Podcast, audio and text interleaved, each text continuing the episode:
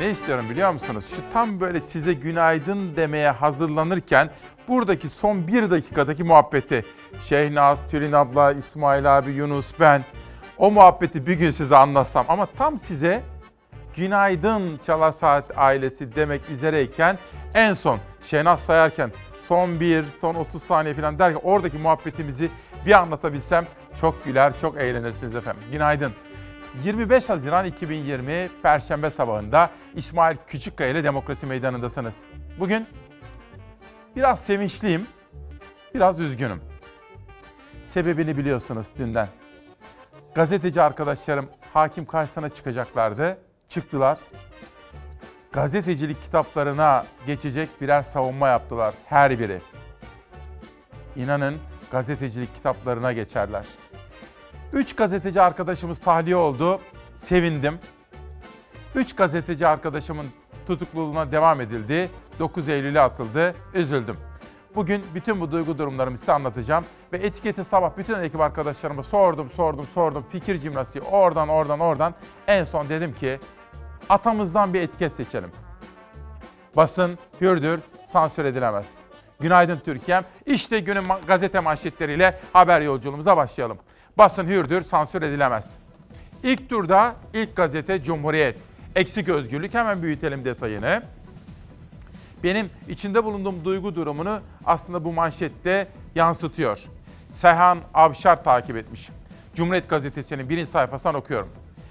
Olmayan suçla ayları çalınan ve iddianameyi savunmalarıyla çürüten 6 gazeteciden 3'ü serbest. Kamuoyuna daha önce zaten açıklanmış olan MIT mensubu bilgilerini haberlerinde kullanan 6 gazeteci yargıç karşısına çıkarıldı. Haberin suç delili yapıldığını belirten Barış Pehlivan, neyse ki Fethullahçılar gibi bilgisayarıma belge yüklemediler. Sevineyim mi, üzüleyim mi haberimizde ifşa yok, iddianame yalan söylüyor dedi.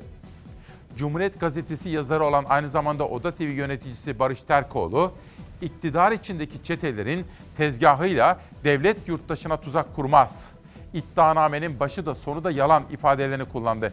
Murat Ağırel kitabı nedeniyle pelikancıların hedefi olduğunu söyledi.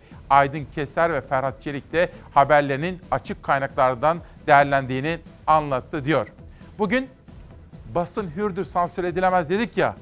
Dün çok konuşuldu. Sosyal medyada gündem oldu. Trend topik diyorlar ya. O etiketi hatırlatarak günün ilk manşetini atacağız. Türkiye Türkiye bir hukuk devletidir. Mahkeme bizi dinledi. Tutuklu sanıklardan eee, yarısının tahliyesine karar verdi. MİT kanununa muhalefet suçlamasıyla yargılanıyor 6 gazeteci. İlk kez hakim karşısına çıktılar kendilerini savundular. İlk duruşmada Barış Terkoğlu, Aydın Keser ve Ferhat Çelik tahliye edildi. Barış Pehlivan, Murat Ağırel ve Hülya Kılınç'ın ise tutukluluğunun devamına karar verildi. 3 sanığın tutukluluğunun devamına karar verdi. Haberlerimizde ifşa yoktur. Bizden önce ifşa edilen bilgiler vardır. Bu yüzden suçtan da bahsedilemez. 20-30 yıl önce Türkiye kurumları çok daha sorgulanabilir bir ülkeydi. Kamu görevlilerinin en azından gazeteciler peşini bırakmazdı. Şimdi bizi daha da geri götürmeye çalışıyorlar. Gazetecilik suç değildir. Gazetecilik suç değildir. 9 yıl önce FETÖ kumpasıyla 19 ay cezaevinde kalmıştı gazeteciler Barış Pehlivan ve Barış Terkoğlu. Yıllar sonra yine bir haber nedeniyle tutuklandılar. Savunmalarında da bunu hatırlattılar. Onlar gibi Cumhurbaşkanı Erdoğan'ın Libya'da şehitlerimiz var açıklamasının ardından yazı kaleme alan Murat Ağırel'de. Hülya Kılınç, Ferhat Çelik ve Aydın Keser de Mart ayının başından bu yana tutukluydular. Altısı tutuklu 8 sanık ilk duruşma için dün İstanbul Çağlayan Adliyesi'ndeydi. Gazeteciler savunmalarını yaparken dışarıda da destek vardı. Dünyanın bildiği bir konuyu, güncel bir konuyu haber yaptıkları için. Haber yapmak suç mu? Gazetecilik suç mu? Niçin tutuklu yargılanıyor bu gazeteciler? Duruşmayı siyasi partiler de takip ediyor. İyi Partililer maskelerine çapraz şekilde yapıştırdıkları bantla basın susturulamaz pankartlarıyla İstanbul Adliyesi'nin önündeler. 19'ar yıla kadar hapisle yargılanan gazetecilerden Murat Ağırel ilk söz verilen sanık oldu. Haklarında hazırlanan 50 sayfalık iddianame için niyetname dedi. Hakkımdaki suçlamalar ne bir somut delile dayanıyor ne de vicdana sığıyor. İddia makamının tarafınıza sunduğu iddianame bana göre bir niyetnamedir. Tek tek dinlendi gazeteciler. Suçlamaları reddettiler. Gazetecilik yaptıklarını söylediler duruşmada. Avukatları beraatlerini talep etti. Tüm sanıklar tarihe geçecek savunmalar yaptılar. Saatler süren ilk duruşmanın ardından mahkeme heyeti kararını verdi. Tutuklu sanıklar Oda TV haber müdürü Barış Terkoğlu ve Yeni Yaşam gazetesi çalışanları Aydın Keser'le Ferhat Çelik'in yurt dışına çıkış yasağı konularak adli kontrolle tahliyesine karar verildi. Kapı duvar gibi değildi. Mahkeme heyeti bizi dinledi. Mahkeme diğer tutuklu sanıklar Barış Pehlivan, Murat Ağırel ve Hülya Kılınç'ın ise tutukluluk hallerinin devamına karar verdi. Beraat taleplerini reddetti. Karara gazetecilerin avukatları tepki gösterdi. Adaleti idamlamaya devam edeceğiz. Bu tutuklulukların en kısa sürede sona ererek bu davanın da kötü bir iddianame ile tarihe geçecek bir süreç olacağını biliyoruz. Gazetecilerin yargılandığı davada ikinci duruşma 9 Eylül'de yapılacak. Duruşmayı 9 Eylül'e verdi. Yargılama devam ediyor. Bugün işte bu konuya değineceğim. Ana güzergah noktalarımdan birisi bu olacak. Ve mesela Orhan Uğuroğlu, Soner Yalçın, Barış Terkoğlu yazmış onları. İlerleyen dakikalarda cezaevinden İsmail Küçükkaya'ya gelen işte bu cezaevi mektuplarını da sizlere özetleyeceğim. Kimler hangi duygularını bizlerle paylaşmışlar onlara da bakacağız yakından efendim. Bir de Milliyet Gazetesi'ne geçiyorum. Film gibi mucize. Suyla dolan Bodrum kattaki dairesinde mahsur kalan Murat Coşkun, komşusu Abdullah Karçik'in Davaro filmindeki hortum sahnesinin aklına gelmesi sayesinde kurtuldu diyor. Gerçekten de meydana gelen olaylar, ortaya çıkan gelişmeler ve görüntüler şaşılacak derecede insanları üzdü. Çünkü Haziran'ın ortasında bu yağışlar aslında bizim doğamıza ve kentlerimize sahip çıkmadığımızın, altyapımızı ihmal ettiğimizin 25 yıldır belediyelerin yalnızca makyaj yaptığının kanıtı gibiydi. Gidiyor kadın gidiyor anne. Ay gitti gitti. Ay gitti. Var mı kimse? Bir hortum geldi. Ee, beni hayata bağlayan o hortum oldu. İşte bu eli görüp seferber oldu mahalleli. İstanbul'u vuran sel de Esenyurt hem facianın merkezi oldu hem de mucizelerin adresi. Bodrum kattan uzanan el çaresizliğin fotoğrafıydı ilk anlarda ama dakikalar içerisinde başarı hikayesine dönüştü. Mahallelinin o elin sahibine hortum uzattığı ve boğulmak üzere olan Murat Coşkun'un o sayede hayatta kaldığı ortaya çıktı. Bir anda içeriye su doldu. Kapıyı açmaya çalıştım, kendimi kurtarmaya çalıştım ama maalesef kapının kolu kırıldı, elimde kaldı. Kombinin üzerine basarak kendimi yükselttim. Şu parmaklıklara kendimi bağladım şöyle kolumla beraber. Su beni geriye atmasın diye. Çünkü geriye gidersem boğulacağımı biliyorum. Ağzına hortum attık. Hortumu kestik, hortumu verdik. Hortumdan nefes alıyordu. Ondan bir hortum olmasa zaten öldüydü adam. Mucizenin gerçekleştiği noktalardan birisi de bu camdı. Sel olduktan sonra uzanan bir el gözüktü. Ona yardım eli uzanması için de zamana ihtiyaç vardı. Suya tamamen gömülen adama bir hortum uzatıldı. O hortumdan 15 dakika kadar nefes aldı. Mahallelinin hızlıca ürettiği o çözümle hayata tutundu 50 yaşındaki Murat Coşkun. Sel gelmeye başladığında sulara kapılan bu kadın da 14 yaşındaki kızını bulmak için atmıştı kendini dışarı. Ona da bir esnaf yetişti. Ay gitti. Sürükten de ileride bir araba duruyordu. Arabaya çarptı. Koştuk. 2-3 kişi ancak kadını çıkarabildik. Ve anneleriyle beraber kurtarılan Suriyeli 3 küçük kardeş. İşte o mucizenin gerçekleştiği noktalardan birisi de Esenyurt'taki bu ev. Bu ev tamamen suların altına gömülmüştü. Bodrum katından 3 çocuk ve annesi mucize eseri kurtarıldı. 3 çocuğun tedavisi hastanede devam ediyor. Anneleri ise evlerinde çalışmalarını sürdürüyor. Su bu çayırı bile doldurdu. Bu bina içinde kaldı. Bir çocuk bir bayan içinde esir kalmıştı, mahsur kalmıştı. Kurtarmaya çalıştık. Biz içine girdik, parmaklığı kırdık. Parmaklıktan bu çocukları, bayanları çıkardık. Çıkarttık. Tüm çabalara rağmen 30 yaşlarında bir Suriyeli hayatını kaybetti. Taşan dere ile su altında kalan Pınar Mahallesi o mahalledeki cesur gençlerin yardımıyla çok daha büyük bir felaketin eşiğinden döndü. Pınar Mahallesi 1272. sokak felaketin en yoğun yaşandığı sokak tahliye çalışmaları devam ediyor. Evlerde zarar gören eşyalar da dışarı taşınıyor. Burada oturanların zararları oldukça büyük. Yok. Bilmiyoruz. Bugün ana güzergahımızda dedim ya size bakın Sözcü de diyor ki bu tablo Türkiye'ye hiç yakışmıyor. Baskı, zulüm, adaletsizlik ve ayıp bir arada. Bugün zaten gazetecilerin karşı karşıya kaldığı baskıları, itibar ve karalama kampanyalarını, tutuklu gazeteciler meselesini, işsiz gazeteciler konusunu işlemiş kim? Emin Çöleşan Efendi. Bu konuda yine bugün çok konuşacağımız temel meselelerden biri. Ama önce şu cümleyi hatırlatmak istiyorum. Derenin intikamı ağır olur. Bu ne ya bu ne ya bu ne? Yolla deli gibi yolla. Bak bak.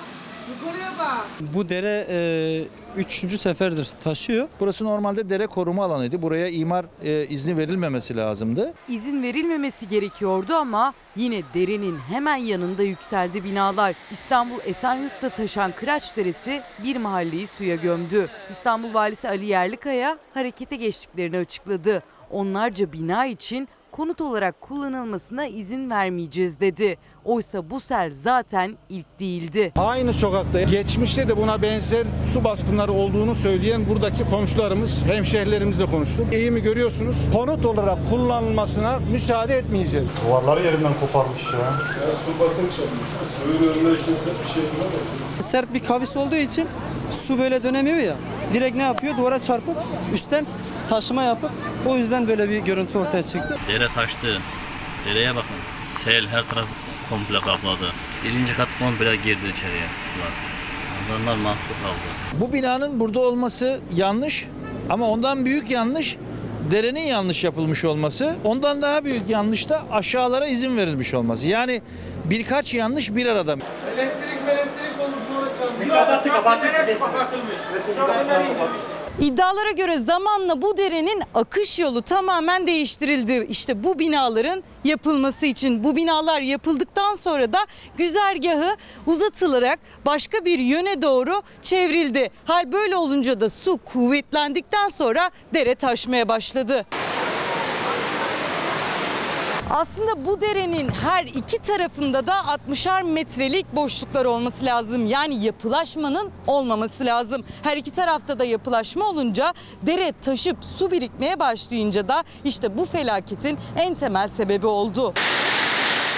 Çarpık kentleşmeyi bir yıldır görevde olan Esenyurt Belediye Başkanı Kemal Deniz Bozkurt anlattı. Aslında çalışma başlattıklarını ama henüz yolun başında olduklarını söyledi. O da İstanbul Büyükşehir Belediye Başkanı Ekrem İmamoğlu da altyapı sorununu geç de olsa çözeceklerine söz verdi. Şantiyesi kuruldu ama buranın. Bir hafta 10 gün önce zannediyorum arkadaşlar çalışmaya başlayacaklardı. Şuraya kadar su geldi. Benim kapı kırılmış bak. Görüyorsunuz şu anda kapı mapı hiç çıkamamış. Hepsi yerinden çıkmış. Yıllardır bu sorunun yaşandığını da biliyorum. Bak bu yaz çözeceğiz Allah'ın izniyle burayı. Şu soruyu sormuş olmalısınız. 25 yıldır, çeyrek asırdır belediyeler ne yaptılar? Altyapı çalışmaları konusunda. Yoksa, yoksa makyaj mı, göz boyama işleri mi yaptılar efendim? Bu önemli bir soru. Bakın Ankara'dan günaydın İsmail Bey. Altyapı uzun yıllar boyunca ihmal edildi. Bu ihmali yapanlar acaba şimdi rahat uyuyabiliyorlar mı? Ankara'dan Doktor Aysel Yavuz Twitter'da bana böyle bir soru sormuş. Bu soruyu sizler de sormalısınız. Bu konuya devam edeceğim efendim. Bu konu bugün önemli gündem maddelerimden birisi. Pencere gazetesi Milliyet'ten sonra gıda enflasyonu sadece Türkiye'de artıyor. Küresel gıda fiyatlarında gerileme yaşanmasına karşın Türkiye'de durum daha farklı. Türkiye'de gıda enflasyonundaki artış devam ederken uzmanlar bunun sebebinin Türkiye'nin gıdayı ithal etmeye devam etmesi ve zaten yüksek olan dolar kurunun salgın döneminde daha da yükselmesi olduğunu belirtiyor diyor efendim Pencere gazetesi. Şu, iktidarlar ve iktidara yakın medya sizin gerçek sorununuzun konuşulmasını istemiyor. Size algı operasyonları yapıyor. Ama akıllı ve bilinçli yurttaşlar bu algı operasyonlarına kanmazlar. Çünkü çarşıya çıkıyorsunuz, kasaba gidiyorsunuz, marketten alışveriş yapıyorsunuz, buzdolabının kapağını açıyorsunuz. Mesela diyelim arabanız varsa bile benzin alıyorsunuz. Ha benzin, benzine zam. Araç sahiplerini üzecek haberler peş peşe geldi. Önceki gün benzine gelen 24 kuruşluk zamdan sonra yeni günde 12 kuruş daha zam geldi. Çok fazla fiyatlar. Gerçekten benim acım LPG'li bu arada zaten. Çünkü benzinle başa çıkamıyorum. Biraz benzin, çoğunu gazla gidiyorum yolum. Koronavirüs pandemisi petrol fiyatlarını dibe çekmiş petrolün varil fiyatı 20 doların altını dahi görmüştü. O düşüşle birlikte Türkiye'de tüketici de nispeten daha uyguna benzin ve motorin satın alabilmişti. Ancak dünya genelindeki normalleşme adımlarıyla petrole olan talep yeniden artınca Brent türü ham petrolün fiyatları da yükseldi. 40 doların üzerine çıktı.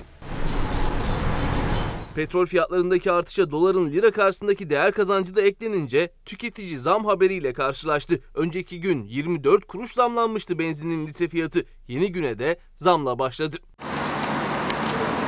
Takvimler 24 Haziran'dan 25 Haziran'a döndüğü andan itibaren benzine 12 kuruş zam geldi. Zam sonrası benzinin litre fiyatı Ankara'da ortalama 6 lira 42 kuruştan 6 lira 54 kuruşa, İstanbul'da ise 6 lira 36 kuruştan 6 lira 48 kuruşa çıktı. İşte bu yaşadığınız gerçeklikten birisi.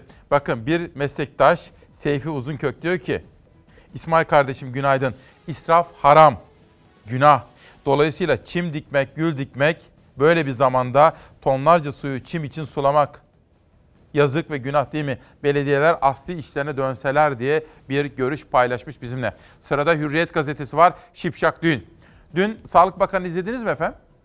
Tam böyle ana haberlerde bitmişti ve Sağlık Bakanı konuştu. Uyarılarda bulundu.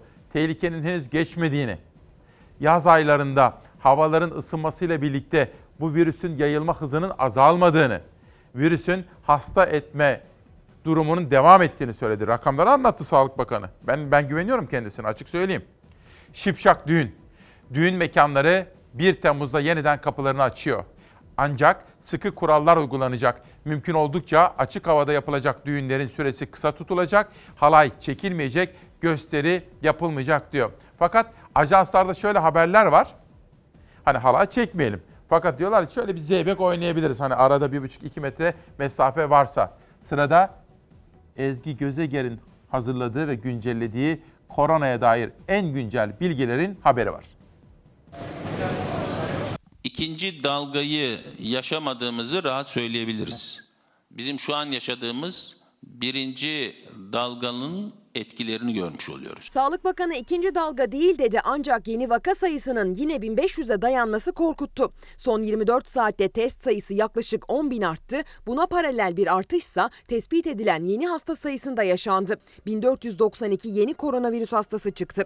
24 kişi daha yaşamını yitirdi koronavirüsten. Yoğun bakım hasta sayısı 21 kişi artarken entübe hastaların sayısında düşüş var. Vaka sayılarımızın artışına rağmen yoğun bakıma giren hastamız, yoğun bakımdan entübe edilen hastamız ve vefat eden hastamızın da giderek azaldığını görmüş oluyoruz. Sağlık Bakanı Fahrettin Koca bilim kurulu toplantısı sonrası yaptığı basın açıklamasında sürecin başında yoğun bakım hastalarının %53'ünü kaybettiğimizi ancak yoğun bakım hastalarındaki ölüm oranının %2'ye kadar gerilediğini açıkladı. Biz de virüsün aslında hasta edici özelliğinin biraz azaldığını gözlemliyoruz ama son zamanlarda yoğun bakıma yatan ve entübe olan hasta sayılarımızda bir miktar artış oldu. Bilim Kurulu üyesi Profesör Doktor Levent Yamanel ise virüsün hasta edici özelliğinin düştüğünü öne sürdü.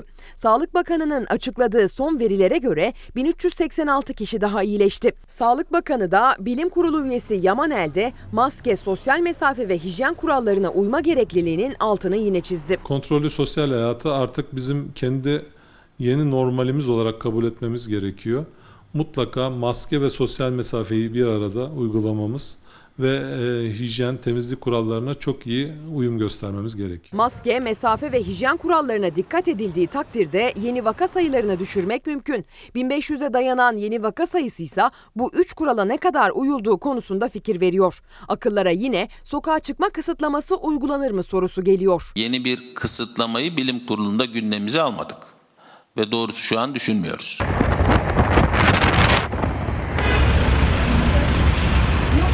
Maske mesafe denetimleri ise hız kesmeden sürüyor. İstanbul Kağıthane'de polis ekipleri tıka basa dolu bir minibüsü dur ihtarına uymayınca uzun süre kovaladı. Aracın içinde olması gerekenden 14 fazla yolcu vardı. Minibüs şoförüne 1392 lira ceza kesildi. Maskeni de takacaksın. Aşağı iner misiniz hanımefendi? Buyurun lütfen. Kibarlaşma. Tamam lütfen. Demek lütfen. ki yaptın. Hayır. Lütfen aşağı iner misiniz? Hayır. Sultan Gazi'de de bir minibüs şoförü maske takmamasına tepki gösteren yolcuyu aracından indirmişti. O şoföre de 24 saat içinde para cezası kesildi. Minibüs trafikten men edildi. Benim maskem var. Maske tak dediğim için bana böyle davranıyor. Bir yandan da normalleşme adımları atılmaya devam ediyor. 3 ayın sonunda camilerde vakit namazları kılınmaya başladı. Cemaat sosyal mesafeyi koruyarak maskeyle kılıyor namazını. Vallahi çok heyecanlıyız, duyguluyuz elhamdülillah. İnşallah tekrar yan yana saf tuttuğumuz sağlıklı günlere kavuşmak dileğiyle. İçişleri Bakanlığı da 81 ilin valiliğine düğün genelgesi gönderdi. 1 Temmuz'dan itibaren başlayacak olan düğünler açık havada yapılacak, süresi kısa tutulacak. Dezenfektan bulundurulması zorunlu olan masalar birbirinden en az 1,5 metre uzakta olacak. Düğüne katılanlar ateşleri ölçülerek ve tokalaşmadan alana girecek. Gelin ve damat hariç halay çekilmeyecek, dans edilmeyecek, toplu düğün fotoğraflarına izin verilmeyecek. Nikah memuru ve şahitler de dahil olmak üzere herkesin maske takması zorunlu.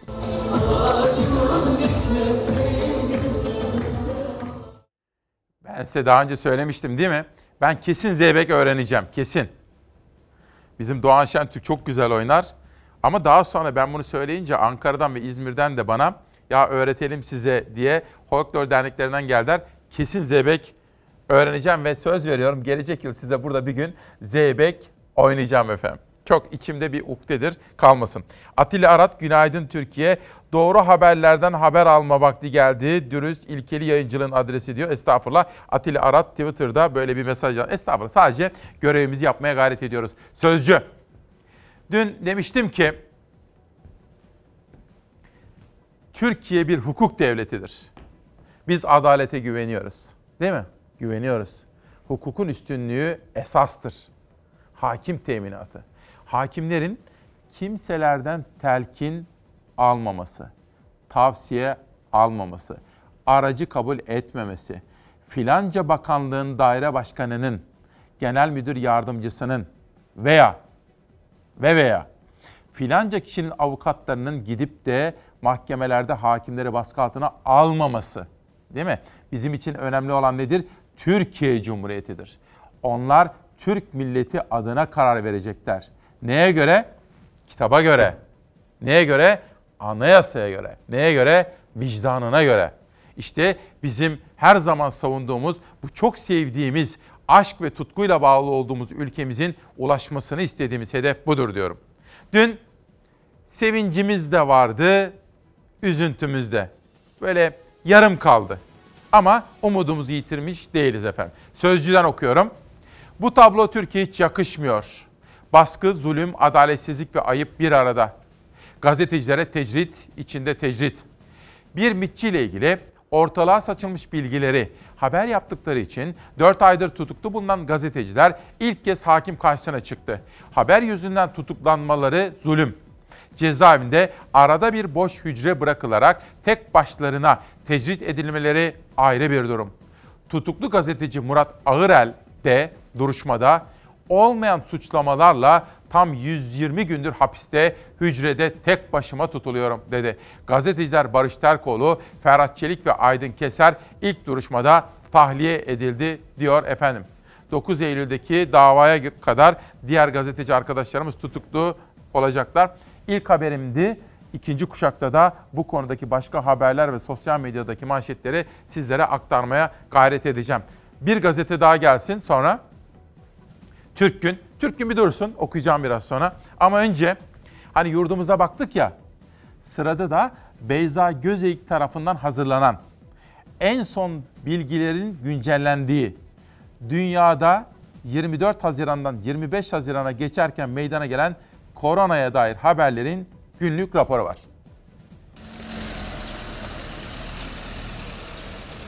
Rusya'da 24 saatte 7 binden fazla kişide virüs tespit edildi. Virüsün etkisini sert gösterdiği Moskova'da salgına rağmen ticari işletmelerin hepsi açıldı. Virüsle mücadelede son aşamaya geçen Fransa'da Paris Belediye Başkanı'nın virüse yakalandığı duyuruldu. İngiltere Başbakanı Boris Johnson salgında ikinci dalganın birinci dalga kadar güçlü olacağına inanmadığını söyledi. Koronavirüs rüzgarı dünya genelinde esmeye devam ediyor. Can kaybı 485 bine tırmandı. 9,5 milyondan fazla insan virüse yakalandı. Hastalığı yenenlerin sayısı ise bugün 5 milyonu geçti. Virüsün merkez üssü hala Latin Amerika olsa da Rusya'da durum giderek kötüleşiyor. Günlük vaka sayıları yeniden yükseldi. Bir günde 7 binden fazla kişide daha Covid-19 tespit edilince vaka sayıları 600 bine tırmandı. Rusya, Amerika ve Brezilya'dan sonra virüsün en yaygın görüldüğü 3. ülke oldu. Salgının en ağır seyrettiği başkent Moskova'da karantina uygulamalarına veda edildi. Spor salonları dahil ticari işletmelerin çoğu açıldı. Vakaların hızla arttığı Rusya'da daha önce ertelenen Zafer Günü salgına rağmen kutlandı. Kızıl Meydanı'ndaki askeri geçit töreninde görevliler, gazeteciler ve misafirler için maske ve sosyal mesafe kuralları uygulandı. Ancak devlet başkanı Putin, bakanlar ve 14 bin asker kurallardan muaf tutuldu. Fransa virüsle mücadelede son aşamaya geçildiğini duyurdu. Okullar, sinemalar, müzeler açıldı. Son olarak Paris'in en ünlü müzesi Louvre Müzesi de kapılarını ziyaretçilere açtı. Fransa'da oranlar düşse de vakalar görülmeye devam ediyor. Son olarak Paris Belediye Başkanı En Hidalgo'da da virüs tespit edildi. Hidalgo'ya önlem amaçlı test yapıldığını, kendisinin belirti göstermediği açıklandı. Şili'de koronavirüs vakaları 250 bini geçti. Başkan Santiago olmak üzere birçok şehirde karantina uygulamaları geri geldi. Güvenlik güçleri toplu taşımalarda, otomobillerde izin belgesi kontrollerini çok sıkı gerçekleştirdi. Sağlık sisteminin hasar aldığı ülke ilk zamankinden daha tedbirli. İngiltere'de milyonlarca insan hayatın eski akışına dönmeye hazırlanıyor. Boris Johnson 4 Temmuz'da tedbirlerin büyük oranda gevşetileceğini açıkladı. 2 metre sosyal mesafe kuralının uygulanamadığı yerlerde bu mesafenin 1 metreye düşmesine karar verildi. İngiltere Başbakanı ikinci dalga salgından korkmadığını ifade etti. İlk zamanlardaki darbeyi almayacağız dedi. İngiltere'de bir gelişmede turizme yönelik oldu. Aralarında Türkiye'nin de olduğu bazı ülkeler karantina listesinden çıkartılıyor. Belirlenen ülkelere giden İngiliz vatandaşlarına ülkelerine dönüşte karantina uygulanmayacak. Liste aktif vaka sayısı düşük ülkelere göre belirleniyor. İngiltere'nin aksine Türkiye'yi riskli bölge ilan eden Almanya'da ikinci dalga paniği yaşanıyor. Covid-19 ülkenin Kuzey Ren-Vesfalya eyaletinde hızla yayılıyor. Et tesisine sıçrayan virüs nedeniyle Gütersloh şehri karantinaya alındı. Berlin'de de virüs hızla yayılıyor ancak Almanya'nın en büyük şehrinde açılma devam ediyor. Dünyadan başkaca detaylarım olacak efendim. Sizlerden gelen mesajlar Seydi Polat, İsmail Bey her şeyin başı adalettir diyor. Basın hürdür sansür edilemez. Mehmet Mert gelin beraber okuyalım. Lütfen bugünkü gazetemizin kapak sayfasını yayınlayın. Tüm Türkiye duysun. 15 yıl yazdık, çizdik, söyledik, bağırdık, kimse dikkate almadı. İşte beton yığınına döndürülen Esenyurt'un geldiği durum. Umarız daha beteni yaşamayız. Bakalım neymiş? Damga gazetesi, dere yatağına verilen imar sonucu yaşanan sel baskını Halef Selef başkanları birbirine düşürdü. Kadıoğlu'nu suçladılar diyor bakın. Bu da Damga Gazetesi'nin birinci sayfası. Böyle bir manşette çıkmış bu sabah okurların karşısına efendim. Ve Türk Gün'de kalmıştım okuyalım onu. Tuzaklar bozuldu diyor. Türkiye atak ve etkin siyasetiyle ülkemizi Akdeniz'de ana karaya hapsetme hesaplarını başta Fransa olmak üzere AB ülkelerinin iki yüzlülüğünü ABD ve Rusya'nın Suriye'deki kanlı oyunlarını boşa çıkardı manşetiyle çıkmış bu sabah Türk Gün gazetesi. Türk Gün'den bir güne geçelim. Adliye koridorlarına dair bir haber işte şimdi manşette. Savcılık komşu kapısı gibi oldu diyor gazete. Son 10 yılda savcılıklara gelen dosya sayısı %53 oranında arttı. Dosya artışında sosyal medya ve Cumhurbaşkanı hakaret davaları önemli yer tuttu diyor. Bir Gün gazetesinin Ankara temsilcisi Nurcan Gökdemir adliye koridorlarına yansıyan bu rakamları derleyip toparlamış haber olarak da okurlarıyla paylaşmış efendim. Tabii İstanbul'daki seçimin iktidarın kaybettiği İstanbul Belediye Başkanlığı seçiminin tam da yıl döneminde mahkemeden çıkan bir karar siyasetin ana gündem maddesi oldu. Davanın adı Canan Kaftancıoğlu. İstanbul'u yeniden halka vermek üzere yola çıkmış bir il başkanını aslında halkı cezalandırma davasıydı ve ceza verildi. İstanbul'u kaybetmenin acısıyla, intikamıyla hareket ediyorlar. Ne İstanbul İl Başkanımız Kaftancıoğlu'na ne de bize bir santim dahi geri adım attırabilirler. 23 Haziran'ın özelliği ne? Mahalli seçimlerde İstanbul'u iktidar partisinin büyük bir rakamla kaybetmiş olması. Tam 23 Haziran. Sanki onun rövanşını alıyor gibi. CHP intikam dedi. Saadet Partisi rövanş. CHP İstanbul İl Başkanı Canan Kaftancıoğlu'na yıllar önceki sosyal medya paylaşımları nedeniyle 9 yıl 8 ay 20 gün hapis cezası verilmişti. İstinaf Mahkemesi o cezanın iptali için yapılan başvuruyu reddetti. Karar tam da CHP'nin İstanbul'da yerel seçimi kazandığı 23 Haziran'ın yıl dönümüne denk gelince muhalefetten CHP adına ceza kesildi tepkisi yükseldi. Kaftancıoğlu'nu 31 Mart seçimlerinin başarısı için CHP adına cezalandırırlar. Adliye bir yargı mühendisliği siyaset adına yapmaya devam ediyor. Bir yıl önce bugün biz mevsimi başladı. Bu mevsimde ne çiçeklerin açmasını engelleyebilecekler ne de nefes almamızı. Canan Kaftancıoğlu da kararın ardından bu paylaşımı yaptı. 23 Haziran seçimlerine göndermede bulundu. 5 ayrı suçtan verilen 9 yıl 8 ay 20 günlük hapis cezasının gerekçesi ise 2012-2017 yılları arasında sosyal medyadan paylaştığı mesajlar. İstinaf Mahkemesi hapis kararında hukuka aykırılık yok dedi.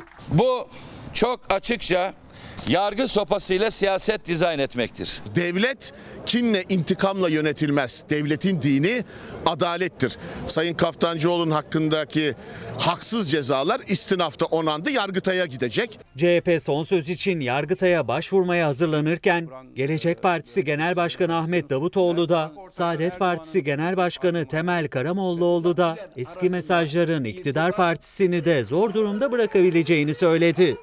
Ya Allah'tan korkun. Özellikle de hakimlere sesleniyorum ya. Savcılara sesleniyorum. Sen bir insanın attığı tweet'i 8 yıl önce attığı tweet'i şu anda gündeme getiriyorsan iktidar partisi mensuplarının tweetleri ne olacak? Onlar masum. Niye? Zemzem suyuyla yıkanmışlar. Eğer 7 yıl önceki tweetler açılacaksa, öncelikle iktidar kadrosu e, tarafı iktidar ve bu e, talimatları verenler kendilerine yakın gazetecilerin, siyasilerin 7 yıl önce attıkları FETÖ'yü öven tweetlere baksınlar. 7-8 yıl önce atılan tweetleri eğer siz cezai müeyyide için kullanmaya kalkar, bu tweetlerle Fethullah Gülen arasında irtibat kurmaya teşebbüs ederseniz şu anda iktidar partisinin ne milletvekilleri ne il başkanlarının arasında ceza almayacak bir kişi kalmaz. Şimdi Şehnaz bir şey dedi de ondan güldüm. Haberle ilgisi yok. Şimdi elimde mektuplar var. Bunlar Türkiye'nin farklı cezaevlerinden gönderilen mektuplar. Bunları okuyacağım biraz sonra. Özetleyeceğim daha doğrusu. Aybüke de bana yardım edecek. Ha bu arada Hıncal Uluç, deneyimli gazeteci yazar Ekrem İmamoğlu'na destek veriyor efendim. Önemli. Bakın. Yanındayım İmamoğlu diyor. Acaba hangi konuda Ekrem İmamoğlu'na destek veriyor? Bu destek önemli bir destek. Çünkü İmamoğlu'nun bunu başarması gerekiyor. Hıncal Uluç da açık açık bugün yazmış efendim. Detaylandıracağım biraz sonra. Beşir Sevim Yalancı Kehribar isimli kitabıyla çalar saatte bu sabah. Ve İncir'in içindeki arı bir sanatçı Mehtap Meral. O da şiir kitaplarını yazmış ve işte şiirlerinden oluşan bir kitap. Hayırlı olsun diyorum. Ve Maymun İlyada'yı yazdı Harun Taşçı. Efendim bir reklam dönüşte baş döndürücü gündem maddeleriyle devam edeceğiz. Bugünkü etiketimiz atamızdan, Büyük Atatürk'ten. Basın hürdür, sansür edilemez. 25 Haziran 2020 Perşembe sabahında İsmail Küçükkaya ile Hakikat Yolculuğunda Demokrasi Meydanı'nda ilerideki o güzel mavi sabahların hayaliyle başladığımız bir yolculukta günaydın efendim. Önce hastanelere veya evindeki tedavisi devam eden hastalarımıza selam. Sonra bütün cezaevlerine selam. Gelen mektuplar burada biraz sonra onlara birer selam vereceğim. Çok ilginç bir mesaj var onu da sizlere okuyacağım. Ama önce dün dedik ya Türkiye hukuk devletidir. Bugün de devam ediyorum. Büyük önderimiz atamızdan aldığım bir sözle. Manşetimiz şu. Basın hürdür, sansür edilemez. Çalasat gazetesinde de bunu aktaracağım ama bakın. Yusuf Kenan, İsmail Bey günaydın. Biraz evvel reklamlardan önce Sayın Temel Karamollaoğlu'nun haberinde Danıştay'ın, Danıştay değil aslında istinaf mahkemesi, Kaftancıoğlu kararına yaptığı eleştirinin son cümlesini lütfen fırsat buldukça bir daha gösterin. Türkiye'de bu cümleyi başka kimse kurmaya cesaret edememektedir diyor Yusuf Kenan. Temel Karamollaoğlu şunu söylüyordu. Eğer siz Canan Kaftancıoğlu'na yaptığınız gibi 7-8 yıl önceki sosyal medya paylaşımları nedeniyle birilerini cezaevine atmaya kararlıysanız bugün AK Parti'nin içindeki isimlerin de 8 yıl önceki tweetlerine baksanız dışarıda kimse kalmaz diyordu. İşte bunu Yusuf Kenan diyor ki bu cümleyi Türkiye'de kimse kuramaz diyor. Dün burada İsmail Küçükkaya ile Demokrasi Meydanı'na katılan Gelecek Partisi lideri Ahmet Davutoğlu da benzeri sözleri söylemişti. Bugün efendim bakın bu benim atamızın en sevdiğim fotoğraflarından biridir. Bunu özellikle rica ettim Savaş Yıldız'dan. Dedim ki atamızın Hakimiyeti Milliye okurken çekilmiş bir fotoğrafı ve atamızdan bir söz basın hürdür, sansür edilemez. Nereden çıktı? Şimdi Şehnaz'dan rica ediyorum. Gazetelere geçiyorum. Bugün Cumhuriyet Gazetesi ilk sırada o dün görülen dava ve o davanın neticesine dair bir manşet atmış. Hemen okuyorum sizlere. Eksik özgürlük. Olmayan suçla ayları çalınan ve iddianameyi savunmalarıyla çürüten 6 gazeteciden 3'ü serbest diyor efendim. Peki şu detayı bir okuyacağım. Sonra cezaevinden çıkan bir gazeteciyi sizlere dinleteceğim. Hazır mısınız? Hadi okuyalım buyurun. Kamuoyuna daha önce zaten açıklanmış olan BİT mensubu bilgilerini haberlerinde kullanan 6 gazeteci yargıç karşısına çıkarıldı. Haberin suç delili yapıldığını belirten Barış Pehlivan, neyse ki Fethullahçılar gibi bilgisayarıma belge yüklemediler. Sevineyim mi, üzüleyim mi? Haberimizde ifşa yok, iddianame yalan söylüyor dedi. Cumhuriyet Gazetesi yazarı ve aynı zamanda Oda TV'nin yöneticisi olan Barış Terkoğlu, iktidar içindeki çetelerin tezgahıyla devlet yurttaşına tuzak kurmaz. İddianamenin başı da sonu da yalan ifadelerini kullandı. Murat Ağırel kitabı nedeniyle pelikancıların hedefi olduğunu söyledi. Aydın Keser ve Ferhat Çelik de haberlerinin açık kaynaklardan değerlendiğini anlattı. Ahmet Şık da bir dizi paylaşım yaptı efendim ve o da diyor ki bugün pelikancılar olarak bilinen bir yapı var. O Ahmet Şık'ın iddiasına göre bu da bir örgüt ve ileride gerçek demokratik düzende, gerçek şeffaflık düzeninde hukukun üstünlüğü gerçekten test edildiğinde bu örgütün de ceza alacağını söylüyor Ahmet Şık peş peşe yapmış olduğu açıklamalarda. Bilmiyorum yaşayıp göreceğiz ileride Allah sağlık ve ömür verirse diyorum. Barış cezaevinden çıkınca işte şu açıklamayı yaptı. Bütün arkadaşlarımın tıpkı benim gibi şu an burada olması gerekiyordu. Müesser ablanın da Ankara'da tutuklu olan burada olması gerekiyordu. Çünkü bu dava tıpkı bizim daha önce karşılaştığımız davalar gibi açıkça bizi susturmak, bizim kalemimizi kırmak, bizim yazdıklarımızı engellemek için yapılmış bir dava. Onlar en iyi bildikleri şeyi yapıyorlar. Onlar hukuku kullanarak insanların üzerinde baskı kurmayı, insanların kalemini kırmayı, insanların yazdıklarını engellemeye çalışıyorlar. Biz de en iyi bildiğimiz şeyi yapacağız. Biz de gazetecilik yapacağız. Biz de yazmaya devam edeceğiz. Biz de araştırmaya devam edeceğiz. Biz de yazılmayanların üstüne gitmeye devam edeceğiz. O yüzden benim söyleyeceğim şey kaldığımız yerden bıraktığımız gibi devam edeceğiz. Teşekkür ederim. Bu konuya devam edeceğim. Bugün gazeteci yazar Emin Çöleşan tutuklu gazeteciler meselesine değinmiş. İşsiz gazeteciler meselesine değinmiş. Cumhuriyet'in, Sözcü'nün, muhalif bilinen, tarafsız bilinen gazetecilerin ne kadar saldırılarla karşı karşıya kaldığından bahsetmiş. Ve iftira kampanyaları, karalama kampanyaları bugün gündemde. Orhan Uğuroğlu, o da Yeni Çağ gazetesinde tutuklu gazeteciler üzerinden Türkiye'nin içinde bulunduğu durumu gözler önüne seren bir yazı yazmış. Gözler önüne sermeye çalışan bir yazı kaleme almış. Barış Terkoğlu da cezaevinden çıkınca daha doğrusu cezaevinde yazıp yolladığı bir yazısı bugün Özgür Günü'nde onu işte okuyacak kendisi. O da Müyesser Yıldız üzerinden yine bir basın özgürlüğü yazısı yazmış. Çok çarpıcı bir detay var. Onu da sizlere özetleyeceğim efendim. Ve Cumhuriyet'ten bir haber. Hamza Yerlikaya'nın ardından Rıza Kayaalp de devlette üst düzey göreve getirildi. Cumhurbaşkanı danışmanlığı ve bakan yardımcılığı görevlerini yürüten güreşçi Hamza Yerlikaya'nın Vakıfbank Yönetim Kurulu'na atanmasının ardından güreş camiasından devletin üst kademelerine dikkat çeken bir atama daha geldi. Erdoğan'ın imzasıyla resmi gazetenin dünkü sayısında yayımlanan atama kararlarına göre Dünya ve Avrupa şampiyonu milli güreşçi Rıza Kayaalp, Gençlik ve Spor Bakanlığı'nda açık bulunan spor müşavirliği görevine getirildi diyor. Bence burada bir sorun yok. Bakın şunu tekrar edeyim. Bir spor adamının spora dair bir göreve getirilmesinde bir beis görmüyorum. Bakan da yapılabilir. Cumhurbaşkanı danışmanı da. Mesela bakın bir örnek Saffet Sancaklı. Çok iyi bir parlamenter örneği sergiliyor. Sporla ilgili konuşuyor. Parlamentoda yaptığı konuşmalar bazen Futbol Federasyonu bazen Gençlik Spor Bakanlığı çok önemli. MHP'li Saffet Sancaklı uzmanı olduğu bir alanda görev yapıyor. Bunda bir beis yok. Ama bir güreşçinin, bir bankanın yönetim kurulu atanmasının mantığını ben anlayamadım. Okudum, sordum, soruşturdum, eğitimine baktım, ona baktım, buna baktım. Mümkün değil.